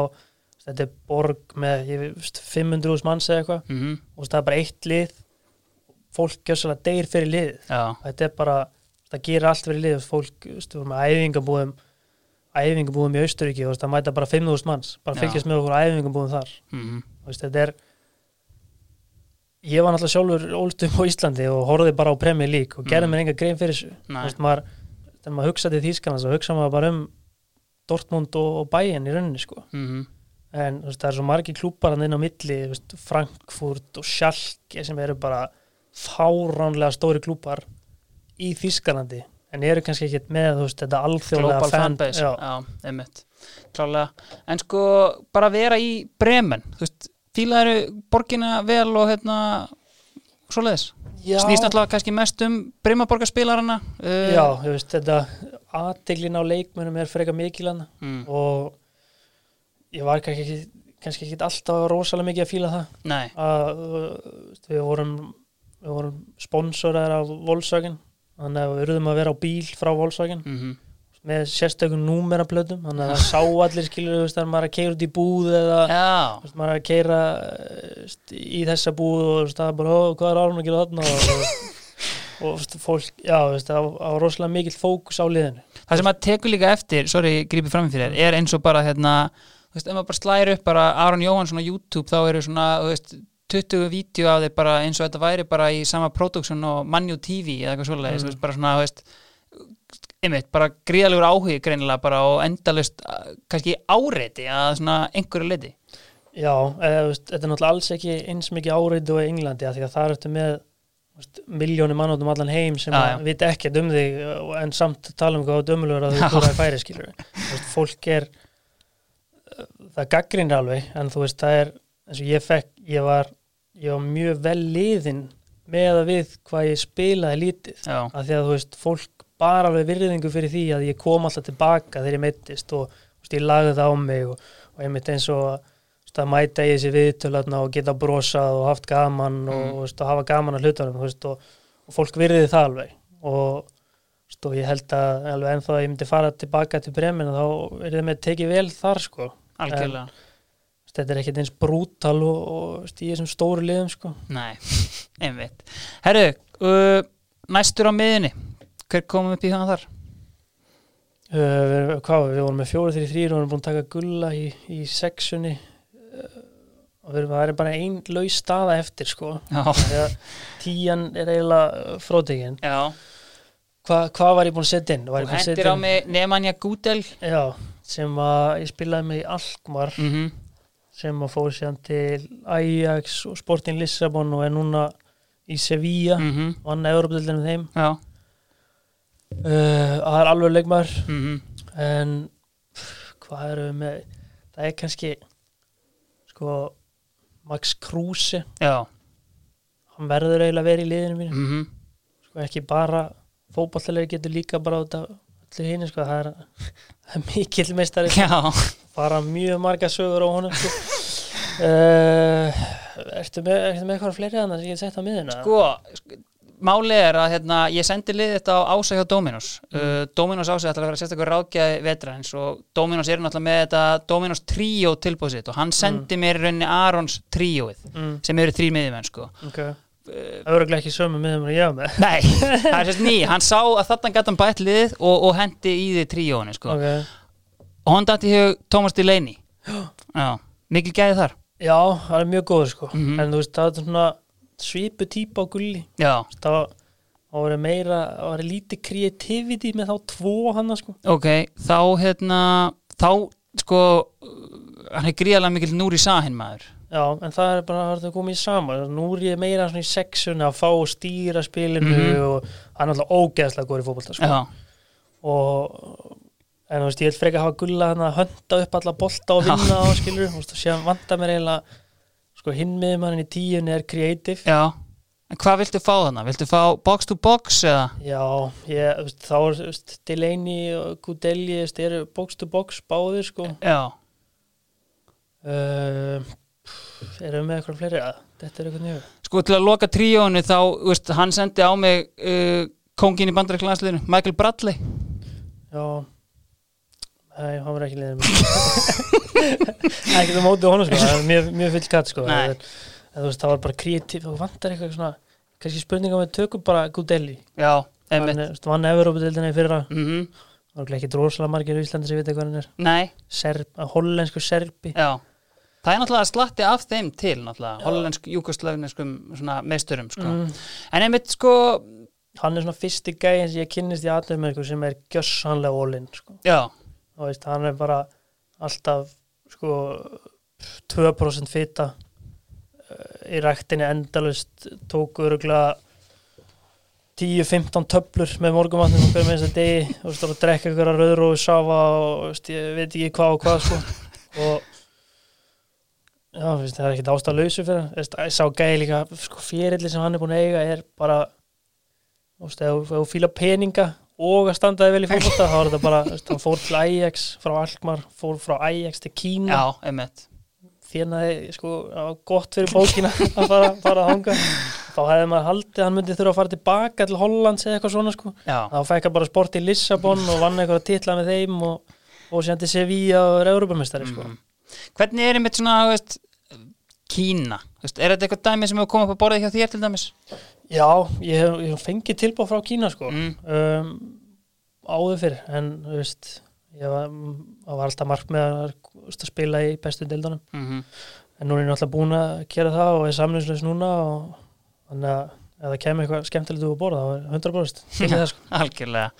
Herri, en sko, ef við uppum okkur bara þá aðeins áfram í þetta og þú fer frá AGF til ASETA, spila með Gúdeli og ég sá í viðtölum við það og talaði svolítið svona um að þetta væri rétt skref fyrir ferilinn. Mhm. uh, það var svona, veistu, aðeins í að því að hefði kannski verið stærri möguleikar í bóði þegar þú fer hann frá AGF. Er það rétt með því hjá mér það? Ég, ég snið handla bara ungur og vitlaus, ég ætti bara að fara beint í bremið líf Nei um, Sko ég, ég, það voru náttúrulega uh, tölum aftur um það, þú veist, þegar þetta var að gerast þá var þetta bara sjálf gefið eitthvað með fyrir mér Þú veist, ég var bara eins og ég, ég var bara ungur og, og vitlaus og reif kjátt við allt og alla og, og, og, og var bara bara nógu mikið af arrogans en samt ekki veist, fíbl sko Mm -hmm. og, og hérna þannig að þetta var eitthvað með bara eðlilegt veist, þess að ég lítið baka núna ég var hvað 22 ára Mhm. 20 22, 30 þegar ég var markaðistur í uh, dönsku úrvasteldinni mm ég er náttúrulega fáralega vel gert en þú veist, ég hugsaði þetta ekki þannig Nei. þegar ég var þá, þá hugsaði þetta bara, já, þú veist, bara eðlilegt sko. Ég er í vinninu bara. Já, eða, þú veist, bara ég elskar fótbolta og mm. bara skora mörg og spila leiki og hafa gaman sko. Mm en þú veist ég var heldur ekki í 85 kíló kjöti tilbúin í League sko. Nei, og veist, ég, var, ég var alltaf mjór og lítill og, og ekkert sá sterkasti þannig að þú veist, það hefði geta verið að ef ég farið of stórt snemma að þá, þá hefði kannski ekki verið gott. Mm en svona þegar ég lítið baka þá, að þá held ég að sama hvert ég hefði farið og hefði þetta alltaf, alltaf gengið af því að ég ég gefst ekkert upp sko, ég er, svona, ég er ekki mikið fyrir að gefast upp og einhver segir mér ég get ekki eitthvað þá, mikið, þá reynir ég frekar að gera það sko. Já. En það, nei, það, það var áhugi frá fullt sko. Mm og, og ég man eins og að það kom einhverju sögum með Arsenal og, og, og eitthvað svona en ekki tilbúið en eitt svoleið sko mm. og síðan var ég bara búin að ákveða talaði við, við Magnús Agnar umbóðsmann og, og vorum bara búin að kortleikja hvað væri rétt og það, það var bara að halda áfram að spila alltaf Já, og þú veist, þegar ég fór til Alkmaar þá var ég bara strækjum nummer eitt Mhm. og var að fara að spila og þetta er ekki að leysa kolla af hólmið hana nei, allt í dór Já, Jersey. nei, auðvitað, Juice from Jersey. Er hérna að fara Já, já. alveg rétt Veist, ég kem í janúar Já. meittur, ég var nýgbúin í aðgerð og þú veist, þannig að þeir vildu fá mig inn í janúar til þess að vera síðan klár uh, í júni mm. og síðan Alkmaar er alltaf bara að reysa klubbu líka. Já, já, og það var bara flott skref og, og hérna já, ég meni, ég sé ekki þetta þessi í dag. Nei. Nefnir hérna Josie Mhm. sem hann alltaf hérna raðaði inn þarna í Alkmar er svona hálgeft atlægi í hérna í enska boltanum, svo við komum Mhm. aftur inn á hann. En þú veist, síðan er þetta bara gaur sem náttúrulega er algjört skrýmsli bara í hérna MLS til dæmis og bara, veist kongurinn í bandaríska landslun og svo leiðis Mhm. hvernig svona, veist, hvernig er að æfa með honum? Góður leikmaður. Já, fárálega sko. Já, og þessu kemur inn að gekk ekki droslega vel í Premier League sko. En ég veit ekki hvað stafna kannski með 2-3 mörg eða eitthvað í 70 leikjum. Mhm. Fyrir síðan í MLS og tvöfaldalaunin sérstakt múf, mjög gott fyrir hann. Já, en þú veist, hann var alltaf bara kongun í landsliðinu og Mm. spilaði alltaf þegar hann var heill og, og þegar hann var heill þá þá var hann skrýmsli sko. Það var bara, það var ekki takt að díla við hann. Mhm. Svo mitt fyrsti landsleikur minn var, voru að tapa 3-0 á móti Bosni úti. Mm. og setur hann í þrennu bara í setna áleik og vinnur 4-3 þannig að ég mikla mætur á honum sko. Hann var uh, alvöru gaur. Já, sko þegar þú ferð þarna til Aseta, Mm. þú veist bara svona ef við hérna, eru, geymum þetta aðeins tökum bara tíuna næst, okay. þar erum við með fasta stöðu fyrir já, þér já, það var uh, Gulli var fastur í sexunni Já. og í tíun er Kitty, Já. Kitty Freyr minn maður val, já, Já. þinn maður annar bara mínum bestu vinnum Mhm. og, og eiginlega bara synd að hann hafi ekki náð lengra Já, af því að hann var og er náttúrulega fárlega góður mhm, og hafiði klálega burði til þess að fara út og fara í eitthvað liðið erlendis en síðan alltaf prófar hann hann á fyrir, fyrir Sundsvall mhm, og, og gengur ekki gengur ekki alveg eins og hann átti vona nei, og kemur síðan bara heim en það er bara besta tíjan í, í Pepsi-deldinni hvað síðustu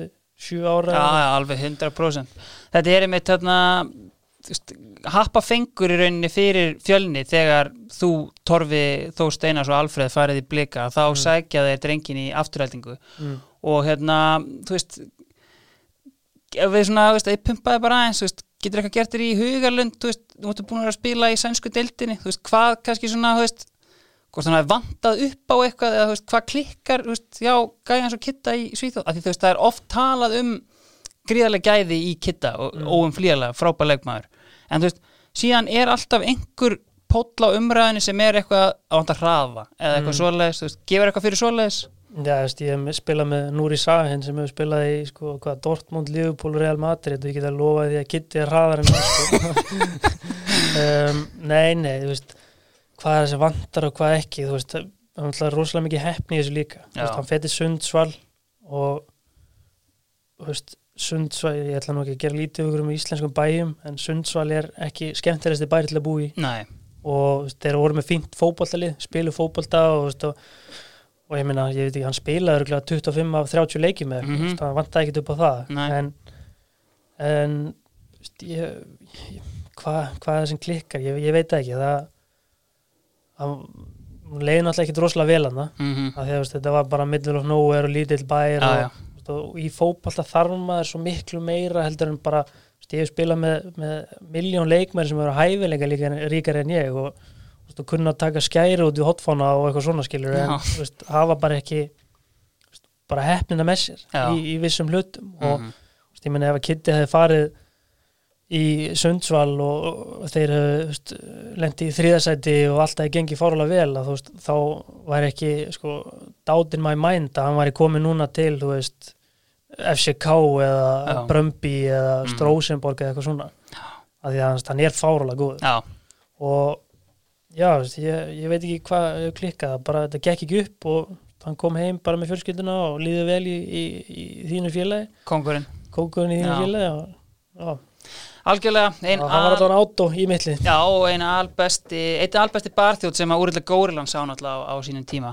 Sko, uh, önnur hérna, önnur tíja, uh, sko, Davík Klasen, sem að er núna komin uh, aftur heim til Ajax eftir svona, hérna, uh, stekta tíma, svona, þú veist, einhverju einsýnin í hann, annar leikmaður sem að premjar líka einhvern veginn sá ekki það besta frá, sko. Já, um, Davík Klasen uh, mjög fýnt strákur, Já. góðu, vinnu minn. Mhm. uh, spjallum með þá reglulega saman í dag. Mm, um, hann er meira svona átta fyrir mér já, en hann spilaði náttúrulega tíu í Ajax en hann fell í Everton. Mhm, en þú veist, þá ertu bara komin á það sama. Þú veist, ef hann hefði farið til Manchester City sem spila nákvæmlega, eða, kannski ekki nákvæmlega sama en spila svipaðan bolta á Ajax Mm. þá hendar það miklu betur. Já, og það er oft með þessar strákar sem er að fara þú veist, frá Ajax, þeir þurfa að fara bara í topp, topp lið. Já, til þess að fá sama sko, frídom og fá sama spilstíl og eitthvað svona. Mm, það gengur ekkert þú ert að fara frá Ajax og fara í Swansea eða, mjög lélegt dæmi, Newcastle, já, já, já, þú veist, Brighton eða veist, eitthvað svona, veist, það bara gengur ekki. Að þetta er allt strákar sem eru geðvikið í fótbolta en eru kannski ekki alveg með fysikina með sér. Nei, einmitt. Algjörlega. Sko, uh, þá er miðjan komin uh, Lengjan Þeir hafa svona verið að spyrja út í eftirminnilegustu leikina frá ferlinum Var einhver Mm. svona sem að Já, þegar þú ert orðin eins og segir, þú ert að eldast og komið með batn og annað svona og tilfinningarna flæða, er einhver svona, veist, þegar þú ferð á kottan leikur sem að stendur sérstaklega upp úr hjá þér? sko ég er ekkit rosalega mikið að pæla í fortíðinni sko, dagstæðlega Nei. sko, og, og hvort sem það kostur eða ekki sko, en, en þegar við spjöllum um þetta og hugsa ég tilbaka og það er náttúrulega eftirminnilegt þegar ég skoraði þrennu hann í Danmarku já, á undir, rétt undir fjórum mjöndum mhm og tók hann að hvað, hröðustu, sem að fljótustu Þetta er hröðustu- hraðasta þrennan í hérna, dönsku úrvarsdeildinni. Ég held að það sé sko eina metið yfir einhvers slags markaskorun sem Ebbe Sand á ekki lengur Í í sko. já, já þann, og síðan alltaf skoraði fjögumörk í leiknum Já. og fljótustu fjögumörk líka Já. þannig að eh, sá stendur upp úr Mm. um, og síðan alltaf þegar ég kem inn á HM og, Mhm. og eitthvað svona, þú veist, ég hef alltaf viljað spila meira á HM Mhm. um, Var eitthvað svona, þú veist, eins og, fórstu heim bara ósáttur eða varstu eitthvað tæpur eða hérna, var eitthvað svona, veist, ég fór heim, fór heim og fór í tvær aðger eftir HM og veist, ég var á HM bara það voru held ég tvær verkeftöflur fyrir æfingu, ein verkeftöfla á hann og fór að sofa og veist, þetta var bara veist, ef það hefði ekki verið HM þá hefði ég löngu búin að segja stopp sko. Mhm. en það var bara, veist, ég gat valla eft og gat valla klárað æfingar og mm. leiðilegt að hafa ekki geta verið 100% heill Mhm. en, en allavega ég fekk að koma hann inn á Mhm. og eftir það þá var ég eiginlega bara bara sem ég ónýtur í líkamannu sko. Já. og síðan já, fer ég, ég fer ég aðgera og ökla og í, á nára Já. tveim vikum eftir, eftir áum að en þú veist ég gæti tjekka þetta allan út. Heldur betur. Sko þrennan og, og fernan þetta er, sko, þú skorur úr víti er það ekki? Fjóruða markið. Er ekki eitthvað, hérna var ekki eitthvað, í kringum þetta víti eða er ég að hérna bulla bara eitthvað Ertu búin að tala við eitthvað? Nei. uh, Nei, já, sko, eins og ég segi þá var ég svolítið svona frekur einstaklingur Já, og örgulega ennþá í dag og, og stöðum en að allar að fá að ég veit hvað, ég á 21 tveggja í, í AGF sem er Mhm. stór klúpur í Danmarku og ég á byrjað að taka víti þar en það var ekkit að því að mér var rétt boltan sko. Það var bara að ég tók boltan og vildi fá að taka víti og ef einhver var að, var að ángrast í mér þá, reyði ég bara kjáft sko. Og sem betur fyrir klúður að ég allan ekki víti en já, það var hann að það var einn einstaklingur sem að, einn annar strákur sem að sem að kom til mér og sagði "Heyrðu, þú ert búin að skora þrjú hérna, það leiði mér að taka víti og það kom ekki til greina. Ég, ég sagði honum svona pent að vinsalegast yfirkjáð nákvæmlega. Herru, uh, ef við færum okkur þá bara upp í framlýnina sem eru auðvitað líka í bóði lengjunar Lengjan er með allt sitt á hreinu, þeir eru íslenskir þeir eru skattfrálsir og þeir styrkja íþróttastálf voru að gefa, já bara núna í desember 60 miljónir til aðaldafélaga Þetta er ótrúlegt dæmi, þetta er einfallega það sem þeir gera og eru frábærir í langbæstu stöðlarnir, maður þarf ekki að endurrekna milli gjaldeira í hausnum á sér eða pæli skatti. Sko, það er ein spurning, ég tala líka við minn mann á lengjunni og hann vildi koma að líka spurningu. Sko, uh, hann var yfirmaðurinn í úlingavinninu í orkuveitinni og hann, honum var sérstaklega minnistætt að þú hefðir hoppað fram af einhverju brú og vilja gera það fyrir hvern einasta leik. Er Ok. minn maður á lengjunni í einhverju ruggli þarna og hann vildi svona kannski helst vita hvort þú er haldið tekið þetta með þér inn í atvinnumennskuna? Svona vana og já, svona vana og hefðir í kringum leiki og annað. Nei, en ég man eftir þessu. Við fórum að, hvað er eitthvað staðar hann að man ekki svona hvað það heitir. Þetta er eitthvað brú hann að Þetta er rétt hjá okkur virkjun. Já, Hoppum hún, ég man eftir ekkit hvort eða þetta var eitthvað vani fyrir eitthvað leiki eða ég veit, kannski við hoppa hún hérna og, og staðið mig vel og skoraði eitthvað mörk já það var einn máli hann sagði Já. sko, og, og síðan þá sko, þá, þá sko, held hann að þú hefðir reyni farið að þessari brú miklu oftar og verið að hoppa Mm. hérna mjög mikið fram á sko. en Na- Nei, ekki, ekki, ekki, ekki fyrir leiki sko Nei, hann er með bestu stuðlana en hann er ekki með bestu sögurnar, uh, minn maður á lengjunni. En uh, heyrðu, förum bara hérna upp í fremstu þrjá. Þú mátt bara ráða hérna á hvorum hérna, já, ég var að byrja á hægri kantinum. ah, Ég ætlaði með þetta Viltu byrja á vinstri? Nei, sko, ég hafði tekið hinn að tvara því ég man ekki hvernig ég setti hægra með sko Já, uh, erum við ekki með Púlisitt á hægri? eða? Púlisi, Já. ok Já, um, Púlisi, já um, bara svona talar eiginlega bara fyrir við þurfum svo sem ekkert að ræða neitt mikið um gæði hans, en, en sko... ég veit samt ekki hvort að við spiluðum saman ég man að við vorum í ykkur verkinum ég man ekki hvort ég kom inn á eða hann kom inn á eða eitthvað Ég held að hérna, nei, þið spilið ekki, en þið eruð í leikmannahópa á saman Já, tíma, já, sko, ok, og þetta er verkefni hana, já, einmitt. ok, ég á það. bekk, nei já, ok, Já. helvindis hann, hann hefði þá fengið, hann hefði tekið stöðun á mér nei, ég segi já, já, um, já, ok, það var annar það var kannski Gnabri. Sels Gnabri í bæinn mm. en já, Púlisi, ég man bara þegar ég sá Púlisi í fyrsta skipt, það var bara eitthvað kjaftaðis Já, hann tók bara boltan bara þetta var fyrsta skipt sem hann var í landsliðinu. Mm. hann tók bara boltan og spila 11 með 11 hann bara sótt hann bara eitthvað starf hann bara rétt hjá sko sínu vítateg og bara valsaði eitthvað með fram hjá öllum, þetta lítur svo auðveld út eitthvað með, bara fram hjá öllum kannski vildi heldur enginn eitthvað bomba niður þetta var eitthvað, ég veit ekki, hann var 16 ára Já. það, ég veit ekki, hvað 18 ára kannski Mhm. eitthvað en já, mér, mér sá það bara fyrstu æfingu bara þessi gæði myndi vera eitthvað sko En hvernig, þú veist, þegar maður sér þetta svona einhvern veginn og þú veist, með algjörlega fullir virðingu fyrir bandaríska landsliðinu sem er auðvitað bara, þú veist, alltaf á HM nánast og, og allt svoleiðis, þú veist, mm. en sérðu fyrir þið bara, þú veist, þetta verður súperstjarnan. já, Já, þegar ég sá hann það, það er fyrst einstaklingu sem ég hef séð bara fyrst uh, þegar ég sá hann með berum augum þá var- þetta var bara unreal hvað hann var að gera sko. Og ekki það að hann var eitthvað að taka eitthvað skæri og sína sig og eitthvað. Mhm, hann var tók bara boltan hljóf fram í mark.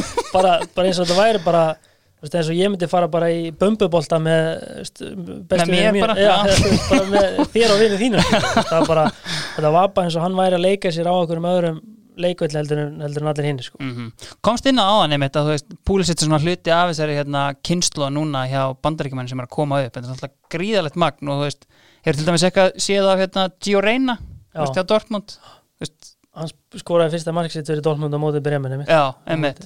Þú veist, og bara svona hérna það var gæi í Bremen hérna, það er ungu frammeiri Josh, Josh Sargent. Já, hann er einmitt. fáránlega góður í það, en hann er hann er svolítið svona hvað sem að fórnalamb af spilamennsku bremen núna. Já, að þeir eru ekki að spila mikið sóknabólta og eru ekki að skapa svo mikið að færum en nei, leið og hann fer eitthvað annað þá stíl las eitthvað en daginn núna það er eitthvað lið í premjör líka að vilja fara að kaupa Mhm. hann Þú veist, hann er fættuð 2000 já, og hann er, úst, hann er með marki í öðrum hvernig leik fyrir bandaríska landsliði núna sko, Já. hana, já, og að þú veist, þeir eru með sko, varamannmenni City. Já, uh, Juventus já, hérna Veston, já, Vestam Já. McKennie Mhm. þeir eru með tvo í tvo í Barcelona uh, Dortmund, uh, Chelsea þeir eru örgulega að glemja ykkur um sko.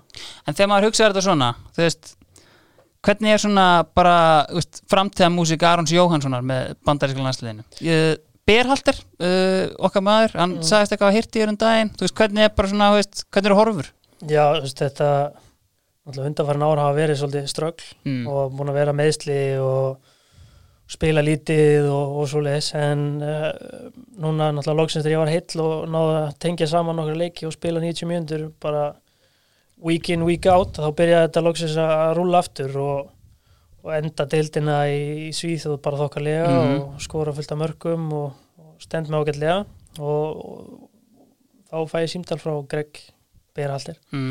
og við spjöllum saman bara um framtíðina og, og svona hvernig þetta lítur út og sem með auðvitað hann hefur nóg af leikmennum að velja núna. Já, en málið er það að uh, hjá okkur í bandaríkjunum á næsta ári þá er þetta árið með tvö mót.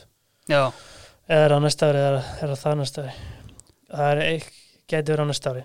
Já, þá er þú veist, það er eitthvað Gold Cup og, og fyrstu leikindi fyrir HM 22 byrja á næsta ári líka og það, það er miljón leikir. Þannig að þannig að hann sagði bara ef ég held áfram að standa mig Mhm. að þá, þá koma tækifæri hvernig til dæmis hérna, er þetta fyrstu kynniðin af manninum eða? Nei, við spjöllum líka þegar ég var í breymi Já, einmitt, þú veist að því að í millitíðinni þetta kemur hérna brúsarína mm -hmm. sem er kannski svona afturkvart til gamals tíma hjá bandaríkjumönum að ráða hann aftur einn mann sem að hefur svona kannski enga þekkingu af evrópski knaspinu til dæmis, engungu Mhm. inni í bandaríkjumanna hvernig svona, veist, áttur einhvern samskipti við hann eða? Já, líka Já. Það, var, það var náttúrulega erfitt að líta fram hjá fram hjá leikmanni sem var að spila í svo topp fjóri deildi í heiminum og sem ég var á þeim tíma og, en ég lendir náttúrulega bara í að ég er meittur í, í eitt ár þegar hann Já. kemur og, og síðan hérna, uh, síðan þegar að við erum að klára leikina þegar hann er bara búin að velja sitt lið þá sem sagt, lendi ég í þessum meðslum og er frá í svo langa tíma þannig að ég náði ekki að koma mér inn hjá bremin þannig að ég náði bara einhvern veginn aldrei að komast inn í það. Nei, sem, sem var náttúrulega algjör synd af því að, að, því að veist, ég, ég veit alveg að þegar ég var á, á þessum tíma og þegar ég er í heilla þú veist, þá er ég nóg góð til að landslinu og mm þannig að það var svona svolítið leiðilegt að missa á þessu líka. Já, einmitt. Gold Cup, mm. hvernig er svona, þú veist, hérna, þú fórst þarna 2015 mm. hvernig svona, þú kannski bæra þetta til dæmis saman við bara veist, EM hérna, sem þetta náttúrulega er bara Já, en það er ekki hægt að byrja þetta svo. Nei, þetta er, alltaf góldköp er alltaf í bandaríkjum og það er alltaf við sem höldum mótið og, og það er eitthvað svolítið komin á það sama, veist, það eru mörgli sem að sem að eru ekkert alveg nógu góð. Veist, og ég veit ekki kíkir á bara örgla úrslit og undanúrslit síðustu, ég veit ekki hvað þetta búið að vera lengi, 30 ára mm Mhm. -hmm. þá veist, þá er þetta e, sömu þrjú fjögur liðin örgla, alltaf. Mm og en þegar ég lendi að þá uh, töpu við eitthvað óskiljalega líka í undanúrslitin. Já, í vítaspinni vítaspinnu fyrir Panama, já. Sem ég náði líka frekjast til að taka fyrsta vitið. Já, ég sá það Nei, já. ég tók ég fyrsta ég Jú, fyrsta, fyrsta Já, vitið, já, einmitt náði En- að frekjast í það líka. Um, en þú veist, þannig að þetta er bara svona hérna myndur þú kalla þetta Gimme Five mót? Nei, sko þetta er, þetta er alveg mót þetta er alveg mót. Mhm. en þetta verður kannski ekki alveg mót fyrir ný undanúrslutum úrslutum já, einmitt. Og ég veit ekki, þetta er kannski svipað og uh, stæðstu þjóðunar hérna líta á undakefni fyrir HM og EM, þú veist, já. bara svona riðla sem þeir eiga að vinna. Já, og síðan byrjar þetta ekkert fyrir en þeir komast á móti algjörlega. Sko, Aron, nú er ég búin að mikið aðeins hérna, vel upp og hérna Mm. ræðin kannski að sem að hérna, uh, hlustendur kannski hafa líka einhvern áhuga að heyra sko, ef við förum bara í þessu ákvörun að hérna, spila fyrir bandaríska landsliði svona, á einhverjum tímapunkti áður en að hérna, klinsmann ringir í þig he, er þetta eitthvað sem hefur læðist að þér áður? Mm. var, varstu með þetta einhvern tíman í maganum að þetta gæti mögulega verið möguleiki? Nei, ég held ekki. Nei, um, Sko, mér minnir það að þegar ég var úti þá var ég náttúrulega með vegabrif og þú veist, það hefði kannski verið svona jokes, skilur að ég gæti mögulega að spila fyrir bandaríkina en það var eitthvað meginn aldrei í myndinni. Nei, og veist, þetta var eitthvað meginn því bara þegar hringdi þá var þetta eitthvað meginn bara svona ha, hvað, veist Jörgen Klinsmann ringi mig, hvað, hvað er í gangi hérna? Já. Og veist, þetta var ég- aldrei eitthvað sem ég hefði hugsað um. Mm en þú veist, eins og ég kom inn á líka í byrjun þáttar, það hef ég alltaf verið rosalega, ég fíla bandar ekki mjög mikið og Mhm. ég, þú veist, get séð þú veist, eiga heima, heima þar í framtíðinni mm og, og er bara mjög mikið, bara, já, þú veist, elska bandaríkin og finnst Já. gaman að vera þar og, og síðan er ég líka svolítið fer mína eigin leir bara í lífinu Mhm. og, þú veist, og er svolítið svolítið sama um hvað öðrum finnst Já, og já, þú síðan er þetta bara þú þetta er var ekki auðveld ákvörðun nei, að þú veist, ég ætla búin að alast upp með, með helmingnum að þessum gaurum í þessu landsliði Já. og svona vini mínir og var að fara út í eitthvað bara completely new já. bara eitthvað eh, sem er bara sem var raunin aldrei að hugmynd. Voru þeir eitthvað að heyri í þér á þessum tíma? Þú veist, strákandir, já, já, já, þú veist það þeir voru ekkit voru ekkit eitthvað fóðið en eitthvað svona skilur nei, en þú veist bara svona á tímanum sem þú kannski ert að melta ákvörðun og annað, þú veist, þetta þú veist, voru þá ekki að tala við, Jói náttúrulega liðsfélagin á þessum tíma og annað, þú veist, var þú veist, að því að það sem að maður sér út úr þessu bara, veist, ef maður var að skoða, ég kíkti náttúrulega á bara hérna aftur að rifjað upp hérna fréttaflutningu og annað, mm það er náttúrulega ríkir hystería í landinu, það er bara algjör styrlin hérna, Geir Þorsteins bara hérna hegða sér eins og, og brjálaði maður og hérna, veist, það er bara allt að vera vittlust, en Mm. hvernig var hérna, hvernig var svona inner circle hjá, hjá þér einhvern veginn, var þetta bara svona alltaf and collected og hérna eða, já, veist eh, mm, já, eins og ég segja það, þá er ég ekkit mikið að velta mér upp í hvað hva öðrum finnst nei, allavega ekki á þeim tíma nei, og veist, með svo skýt sama á þeim tíma sko.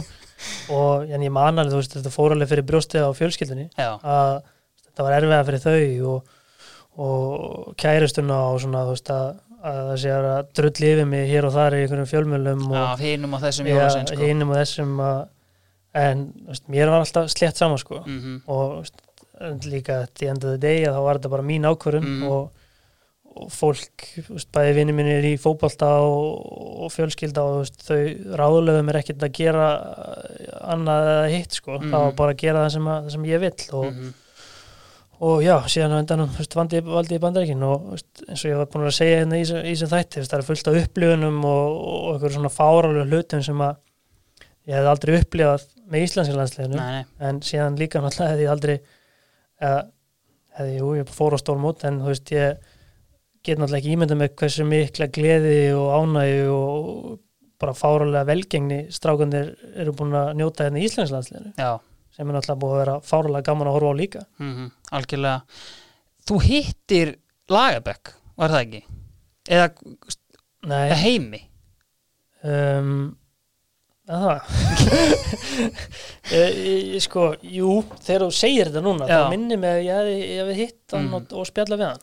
Var eitthvað, þú veist, hérna í, í því sem að þú veist, þú svona, þú veist, hérna varst eitthvað, þú veist, ég, veist, þegar þú segir, ég man ekki hvort að ég var búin að taka ákvörðuna þegar ég hitt hann eða, ekki sko. Mm en, en ég, veist, ég man að ég var valinn í Íslandsin landsliði það er nefnt málið, að þú Já. ert valinn hérna í sko byrjun ásins 2013 og dregur út vegna meðsla mín það spurning, mögulega var það í 13, fæ, já, á 13 Já. var ég, þá, hvenær, ég, nei, var það ekki var það ekki þegar ég var í, í AGF mögulega, jú. Ég- þetta, jú, þetta fyrir veri- sko leikina held ég bara í undankeppninni fyrir sko, f- með, í fyrri umferðinni í undankeppninni fyrir HM 2014 já, þá ertu valinn á leikja nefnilega- Albani og Sviss eitthvað svo leiðis ég man ekkit hvað leikir voru en ég man, ég var landsliði Já. og, og var að fara. Já, og var búinn að mér minnir ég hafi tilkynnt með að segja Jörgen það, Já. Klinsmann að ég hafi sagt við hann bara ég ætlaði að velja íslenska mm, en síðan meiðist ég í leiknum með, eh, með AGF meiðist í AGF, þannig ég fer ekki í landslið og þá er einhverju mánuður í næsta leik. Og, og þá einhvern meginn bara veist, hvort þetta hafi bara ég hafi meiðist bara þegar þetta átt að gerast Já. eða, eða ekki, en þú veist, þá bara gerist eitthvað hann í millitíðin að ég fæ bara svona er, þetta bara- er kannski bara máli Já, Já. kannski bara málið. Það er ein samsæriskenning sem ég er sérstaklega gaman að og það er hérna það er svo að þú hefur móðgast svo mikið þegar Lars Lagerbeck sagði að það væru klár gæði á þér og Bitni Bergman Nei, ég er alveg sammála honum. Hann var með þess að ég reyndar, töluðum ekkert um það með, með strækjarinn já, að þú veist, Björn Bergman er bara þegar við vorum saman, því við vorum saman í út dögins já, það er bara, bara besti frammeðin sem ég spila með. Já, og hann á þeim tíma var líka svo komin miklu lengra heldur en ég já, og miklu lengra heldur en bara flestir já, í, í landsliðinu, bæði Mhm. mm á og, og undir þetta eins og bara þótt við að vera leitað sko, hann Já. var náttúrulega gjössanlega frábær sko. Já, og bara í yngri flokkum og öllu, hann var bara geðugur þannig að uh, hvort að hann hafi verið komið lengra ég, en ég á þeim tíma getur bara vel verið rétt. Og, og ef hann hefði verið, já, hann var örgulega komið miklu lengra, ég veit þetta ekki hvað hann var að spila en þú veist, það sást líka bara þegar við spilum út þetta eins að hann, hann var bara langbæstur í út þetta eins. Mhm. Hvernig er svona minningarna frá um þessum verkefnum hérna, með, uh, er ekki Eyjólfur ennþá að þarna, Mhm. þú veist, hvernig, þú veist, bara, veist, góður hópur og, og góð stemming Já, þú veist, það, ég man já, ég var komin í AGF þegar þeir fóru á lokamóti. Já, einmitt, og veist, það var alltaf, það var svona smá í mér svona að vera í valinu eða ekki og þú veist, ég var alveg mjög fúll ef það hafi ekki verið valinu á EM þá. Já, og, og hérna og síðan komum við svona og, og ég veit ekki, það er kannski einn eða tvo leiki sko. Stóðum okkur ekkert eitthvað rosalega Nei. og töpum múti hvort við gert jafntefli á múti belgum eða eitthvað á heimavelli hvort við unnum ekki bara belga eða Já. sko hvort að Björn hafi skorað tvö á móti belgum það, Björn, já. já, það getur vel verið Já. að hann var geðugur sko. Já, síðan man hérna- ég að Áskipþór Magnússon markmaður varði víti frá Joshua King Já, og hérna, það. já, það voru einhverjir hérna, það voru einhverjir hápunktar hérna, en lágpunktarnir voru tölvert fleiri einhvern veginn, sko. Já, en eitt sem ég get sagt með það að við vorum geðugur hópur og veist, eftir leikin að drukum mikið vatn og skemmtilegt að hafa, hafa gaman sko og það, þetta var ógæslega gaman þetta var skemmtilegu kjarni í þessum hóp sko Mhm. og árangurinn hafi kannski ekki alveg skilað sér inn á völlin en þá voru við mjög góði vinnir utan, utan, utan það Algjörlega. Herðu, förum þá bara í hérna hinn kantmannin. Mm. Hvað hérna ætlaðu að bjóða på þar? Hann er þriði sem er átó í milliði Já, um, Jóiberg já, um, sko mín svona mín sín á Jóa er örgulega mjög öðruvísi heldur en á flestum íslendingum að þegar þú veist í landsliðinu og í, í veist, í Burnley er hann bara sem í hæri bakur sko. og veist, í landsliðinu er hann hann er svo mikið vinnuvél. En veist, hann er alltaf gæðið þegar hann er með boltan en ég eitthvað með nátti vona á því að veist, ég sé þess að bara vinstri löpp bara á æfingum bara, bara besta vinstri löpp sem ég hef bara eftir með. Já, bara þegar hann, hann skýtur á markið og hann köttar inn hann frá, frá hæri og inn á miðu og setur hann í samúð Já. sko, það- ég veit ekki hversu oft hann gerir þetta á æfingum og, og í leikjum í Hollandi. Mhm, og veist, hann lendir endar í uh, upp á kantu þjálfaran þegar, þegar við varum með Alkmaar og hann var svona inn út úr liðinu og, og, og kannski ekki alveg með, með sjálfstöldi í botni. Mhm, en sko á þeim tíma Jói Berg með sjálfstöldi í botni hann hann er ná langt sko. Og bara óöppin að lenda er inn á, á þjálfara sem var ekki sem að, já, var ekki þeir bara náðu ekki saman eða ég veit ekki hvað það var. En hérna já, bara enda í dag, bara held ég besta vinstralöf sem ég hef eftir með. Hvaða meistari, hvaða meistari var að þjálfa þetta Já, það þetta er er að, trésmiður sko, það er bara basically, þú veist, ef hann segir að hlaupa upp hægri og tíu skreiti vinstri og niður og tilbaka þá, já, ef þú gerir það ekki þá spilar ekki sko. þannig að að, just, ég hef alveg getað séð Jóa til dæmis bara fara til Ajax og, og, og fara síðan bara til eitthvað stórtlið sko, mm.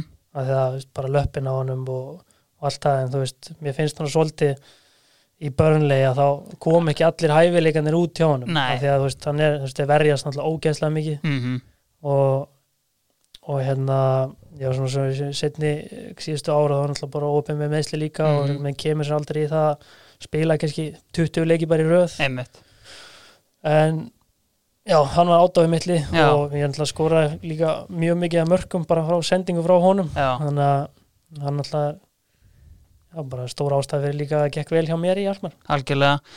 Alkmar kemur hérna frá Aseta eins og komst inn aðan í janúar meittur, hvernig var bara svona hérna liðið og, og að búa þarna og, og svona almennt bara vera hann í Alkmar frábær, Já, bara gæsalega frábær. Þetta er svona þekkt félag fyrir að taka inn unga stráka. Mhm. við mitt frá veist, svona, kannski neðri liðum í Hollandi eða Skandinavíu eitthvað svona og, og byggja það upp og, og selja á síðan á næsta stað Mhm. og bara hjá mér gekk þetta rauninni bara eins og í sögu Mhm. Þú veist, þetta bara komandi frá fjölni til AGF og frá AGF til Alkmaar og síðan búndislíkuna þetta Já. var bara geggjaði tími algjörlega Hérna er ég að koma inn á þess að ég ætla að geima á hann en ætla að koma á hann Sko, hjá Alkmar er einhvers konar hérna, ég held að hann hafi bara verið yfirmaður knattspytumála uh, Örni Stjúvart mm. Var hann eitthvað að pota í því varandi bandaríska landslið? Nei, Nei. hann hann nefnilega er svona hollenskur Já kanni mm og hann lendir í bara í sama og ég þurfa að velja milli skilur Já. og, og, og, en við töluðum alveg um þetta og, Mm. veist, og hann sagði bara það var einhvern enginn sem að ráðlaði mér eitt eða eitt hann sagði bara, þú veist, fylgdu, bara hjartan þínu Mhm. og gerðu bara eins og þú vilt mm. en hann mitt sagði mér mjög góða sögu Já. þegar þeir voru að spila í með, þegar hann var að spila með landsliðinu á móti Costa Rica. Já, að hann ætla brjála, þetta er brjála lið þetta, sko, hann þetta lið hann í, svona nánast í Suður Ameríku blóð heitir sko, mm. að, þá var hann að þá var hann fyrirlið og þú voru að labba svona út í göngunum. Og svona það var veggur skiluru áhörnandunni gáttu séð yfir leikmennina. Já, já, já. Og þeir voru vanir því skilur á heldi við á bjór og rækt á það og ég veit ekki hvað og hvað þannig að hann heldur af þessi að hella við þessi bjór bara, lítur svona upp og var bara gæja piss á hann. Er mitt sagði með þessa sögu þegar við varum að ræða þetta. En þú veist, bara heyrðu hvað þetta er bila þú veist, það var bara eitthvað gæja mýja veist, ég veit ekki hvernig þetta var, þetta er fyrir mörgum hóri síðan. Já, en þú veist, þetta er, þetta er svolítið uh, hvað segir maður, þetta er, þetta er annar heimur hann algjörlega. Það er kannski eitt kantmaður hann var reyndar sennilega, mögulega var hann færður inn á miðjuna þegar þú spilaði með honum en þú Mm. spilaði náttúrulega með hérna, Martin Jörgensen í AGF Já, ég, ég ég, hann kannski ætti að vera hennar miðin í staðin fyrir Nemanja Gudelli. Já, það væri eiginlega gott sjátt því að hann er líka bara einn frábærasti maður sem ég kynst já. Ótrúlega mikill svona bara góð hjartaður maður Komið ekki annars bara á sama tíma veist, til AGF, sko, hann er að koma þarna frá Fiorentina, þú Jú, og fjölni við vorum eitthvað svipu sæn held ég bara á Nei, um, ég, ég veit það ekki hvort að hann hefði komið eitthvað undan mér en hann Mm. er náttúrulega bara legend í Danmark og fyrirlið danskan landsins í Mm. hvað, tíu ára Mm. eitthvað. Og hann var ógeðslega góður í fótbolta og líka þú veist, á sínum síðustu árum en samt bara eiginlega bestur í að við hendum ne Nemanja Gudelli bara úr liðinu og setjum Martin Augsín Já. og gleyma hún ég fíla það mistari sko. Komst inn á Serge Gnabry á hann Já. uh, Hann Hann- kemur náttúrulega hérna, sko, til verder eftir ævintýralega dvöl hjá Tony Poulis í, í VFBA og, maður hefði haldið, veist, þarna var maður eiginlega bara, veist, maður held að Tony væri búin að ná að brjóta hann, sko Já, en þannig ertu komið svo svolítið inn á sama eins og ég var að segja með, Davy Klassen og, og svona stráka og þú veist, Gnabry er, er hæfileika ríkur kant framherji sem að, veist, er góður í að fá boltan, taka menn á og eitthvað svona, veist, hann er ekkit góður í því þegar hann er bara að horfa upp í loft eftir boltanum og það er verið að hengja hann upp á hann og eitthvað svona. Það er auðvitað rosalegt að maður eins og Arsene Wenger hafi hleyft Tony Poulis í Já. ef maður pælir í því, sko Já, ef maður pælir í því að þá er það svolítið að því að, veist, hann var eiginlega bara svona set up for failure, basically, sko. að því að, þú veist, nei, ég meina, gæin er, ég veit ekki, 1.70 á hæðið eða eitthvað. Mm, og lítill teknískur þú, veist, hann, þú getur sett hann í Barcelona, það myndi brillera Já, já. en þú veist, þú setur hann ekkit í á þeim tíma, þú veist uh, VFBA eða. Stoke eða eitthvað svona.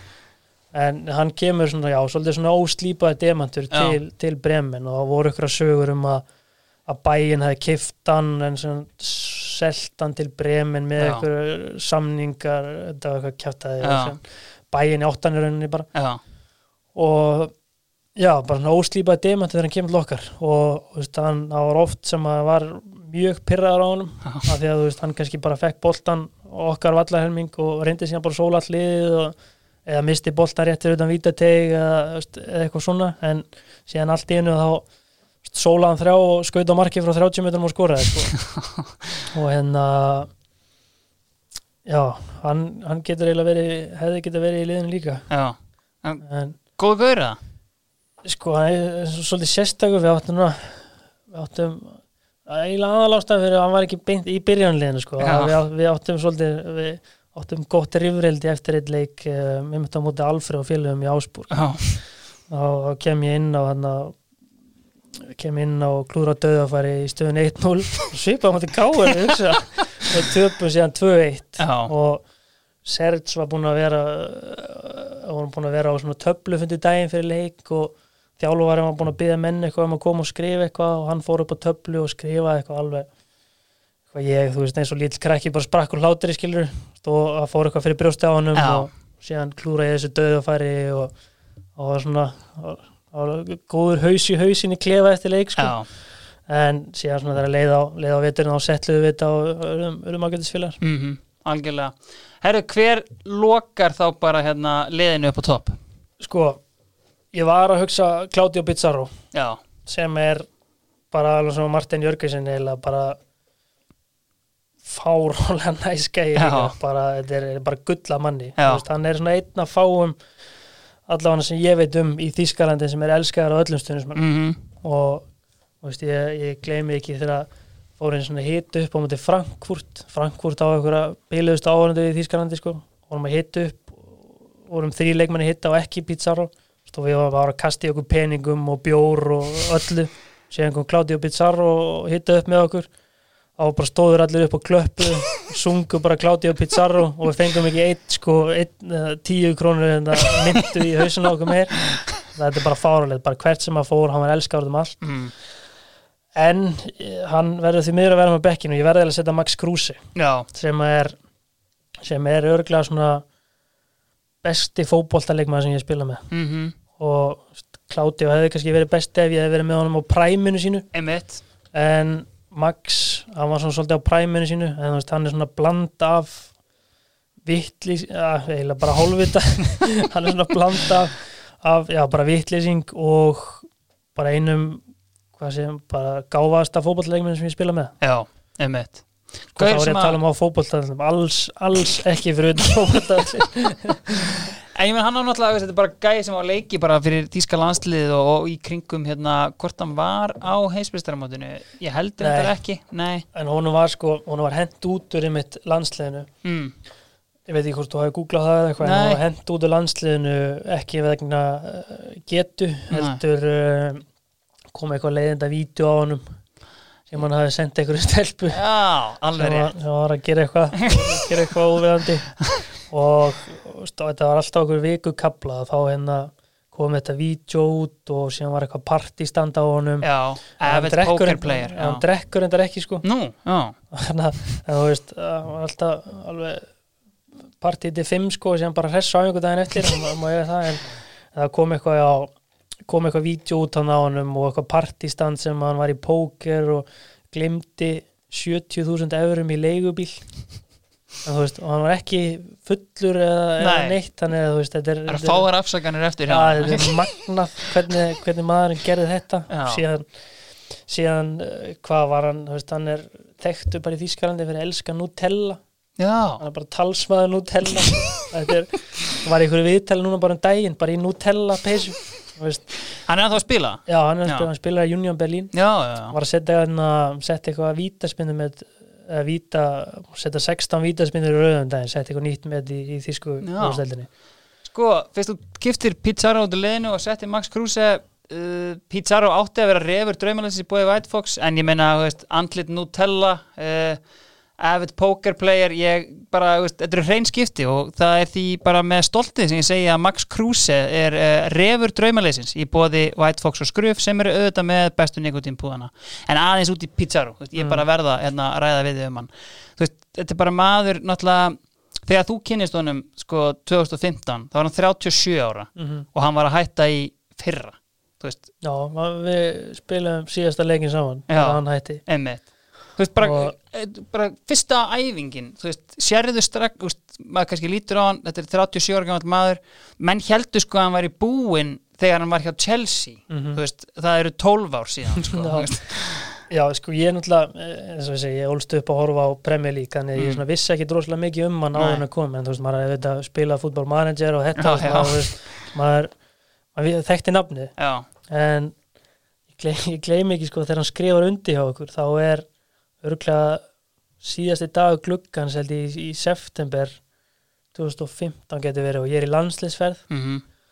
Og hann samningslaus og ég siti mitt með uh, Jermaine Jones í rútunni í landsliðinu mm.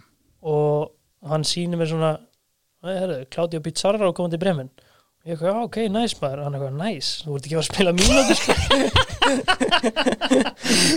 Og, og, og hérna en já, bara þegar hann kom að þá þetta svona, er svona fyrsta svona stjarnar sem ég hef kynst basically. Mm að, en líka hann er bara persónleikin sem hann er með, hann er bara, hann mætti alltaf veist, ég, var, ég, ég, var, ég var búin að ég var búin að safna í púk og borgunum pening fyrir að mæta í hérna joggingbúsmaðingum Já, hann mætti alltaf bara eins og hann var kliftur út úr einhverju tískublaði. Bara, bara hárið fullkomið dressaður fullkomlega Mhm. þú veist, á, á konu sem hann er búin með þá hann var átján ára Já. og fimm börn og einhvern veginn bara svona maður er ekki alveg að trúa þess að þetta sé svona fullkomið sko. og síðan er hann bara, bara besti maður sem hann veitur um og veist, ég var mittur og hann var að hjálpa mér og var tilbúin að tala við fólk og senda mig yngu og þanga og til að koma mér aftur í gang og síðan urðu við, við bara, já, góði, góði vinnir Mhm. og, og já, ég er alltaf að býða til að hann fara að taka í svona Legends match. Já, og og fáið þið með. Og ef hann ringir ekki í mig þá dreif sko. Nei, nákvæmlega. Ég með nokkra hérna kannski hérna eða það er kannski eiginlega bara svona eitt leikmaður hérna eftir sem ég á blæði Clint Dempsey, mm. hvernig svona þú veist, sterka ára kannski inn í bandaríska landsklefanum Já, ég veit ekki hver þín uh, svona almennt svona perception af, af honum er en hann er alltaf það Hann er náttúrulega hérna, sko ég ég er gríðarlegur Clint Dempsey maður, Já, sko. ok. ég hef aðeins kynnt mér hann ég hef séð rap-vídeóin hans og, þetta veist, sko hann er Deuce. bara, já, alltaf númer tvö og veist, hann er algjör meistari sko Já, kannski lítur ekki þannig út svona á vellinum og í viðtölum og okkur svona en Mm. þú veist, hann er bara ég man ekki hvað hann gaman í landslinu þegar ég var, það var 35, 6 eitthvað, hann satt bara aftast í rútunni bara með eitthvað beats og það var bara freestyla og það var svona þetta er ekki alveg gæði sem við búin að sjá hann í sjónvarpinu sko. en já, algjör mestari sko. mhm en já, Nutella Pokerboy hann, hann, hann fær að vera hann hérna upp á toppið mér Algjörlega. Herru, uh, liðið er komið, ef við rennum bara östnögt yfir það. Það er Tim Howard í markinu, uh, vörninn Gunnar Valur og Ágúst frá framtíðinni í bakvörunum. Uh, Niklas Móisendur og Jannik Vestagörd í hafsendunum. Á miðinni Martin Jörgensen, Gulli Viktor og Kitty Freyr í tíinni. Fremstu þrýr, Jói Berg, Kristján Púlisic og Max Kruse. Sko, Aron, þetta er liðið uh, Túborg, þeir hafa tengt þjóðina við besta bjórlandsins léttul frá því að bjórbannu var aflétt. Uh, Nú er flagskipið auðvitað sá græni svo góði og sama hversu margir hipstera bjóri mæta á markaðin þá er Túborg alltaf sá bjór sem stendur þjóðinni næst. Túborg er léttul, sá svona, hann tengir landið saman og Mm. bara, veist, það er bara það sem hann hefur gert í áraræðir. Ef þú mætti velja tólta leikmannin í liðið, bara svona, þú veist, sem er Ásgeir bara... Er Áskir Almarsson. á sama hátt að Túborg hefur tengt allt saman. Þú Veist, það er bara svona, þú gæði svo tekur með upp á fun and banter og, og allir léttir. Já, það væri ásker. Já. Um, þú veist, það kom alveg, kom alveg nokkri til greina svona, þú veist, eins og ég sagði uh, fyrir í þættinum að þá svona skemmtilegustu tímar uh, fyrir utan fótbolta voru þegar ég var í fjölni Já. og þú veist, það var alveg gaman líka í IGF en síðan þú veist, þú veist komin, þegar ég var komin til Alkmaar og komin til Bremen þá verður svo mikið alvara í þessu. Mm og þú veist, þetta er ekkit ennþá bara eitthvað fun and games og menn er í alvörinni bara berjast upp á líf og dauða skilur að komast í byrjunlið og svona. Mm. þannig að svona fyrir utan fótboltan svona fun and games og hafa gaman og njóta lífsins og um mitt fara á gullöldin eftir leiki og veist, opna bjóri klefanum og eitthvað svona, það var í fjölni. Mm og þú veist, ég tala alveg ennþá opinskátt um það, veist, það var svona minn skemmtilegasti tími. Já, og og sakna þess tímalega þú veist, að það var ógislega gaman veist, síðan var ég ég með, með kitta og við vonum svona þessi ungu örgulega óþálandi gaura sem voru alltaf ríðandi kjátt við alla sko. Og, og, og með hann að Tóma Leifs og, og Áskir Aron og, og fleiri örgulega gleymi ykkur um Mm. Gunni, Gunni Már og, og bara meistarar sko. Mhm. bara skemmtilegir skemmtilegir strákar. Algjörlega. En já, Áskir Aron hann, er- Sá skemmtilegasti? Já, hann var fyrstur á blaðaldi þegar, ég- hugsaði um þetta.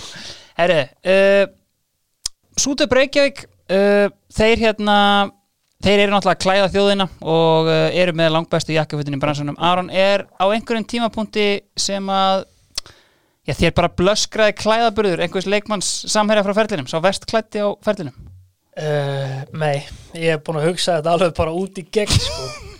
en ég ætla ásjálfus jakkavöð frá Súdef sko. ég mæli mjög mikið með Súdef sko. Já. algjörir meistara þar sko.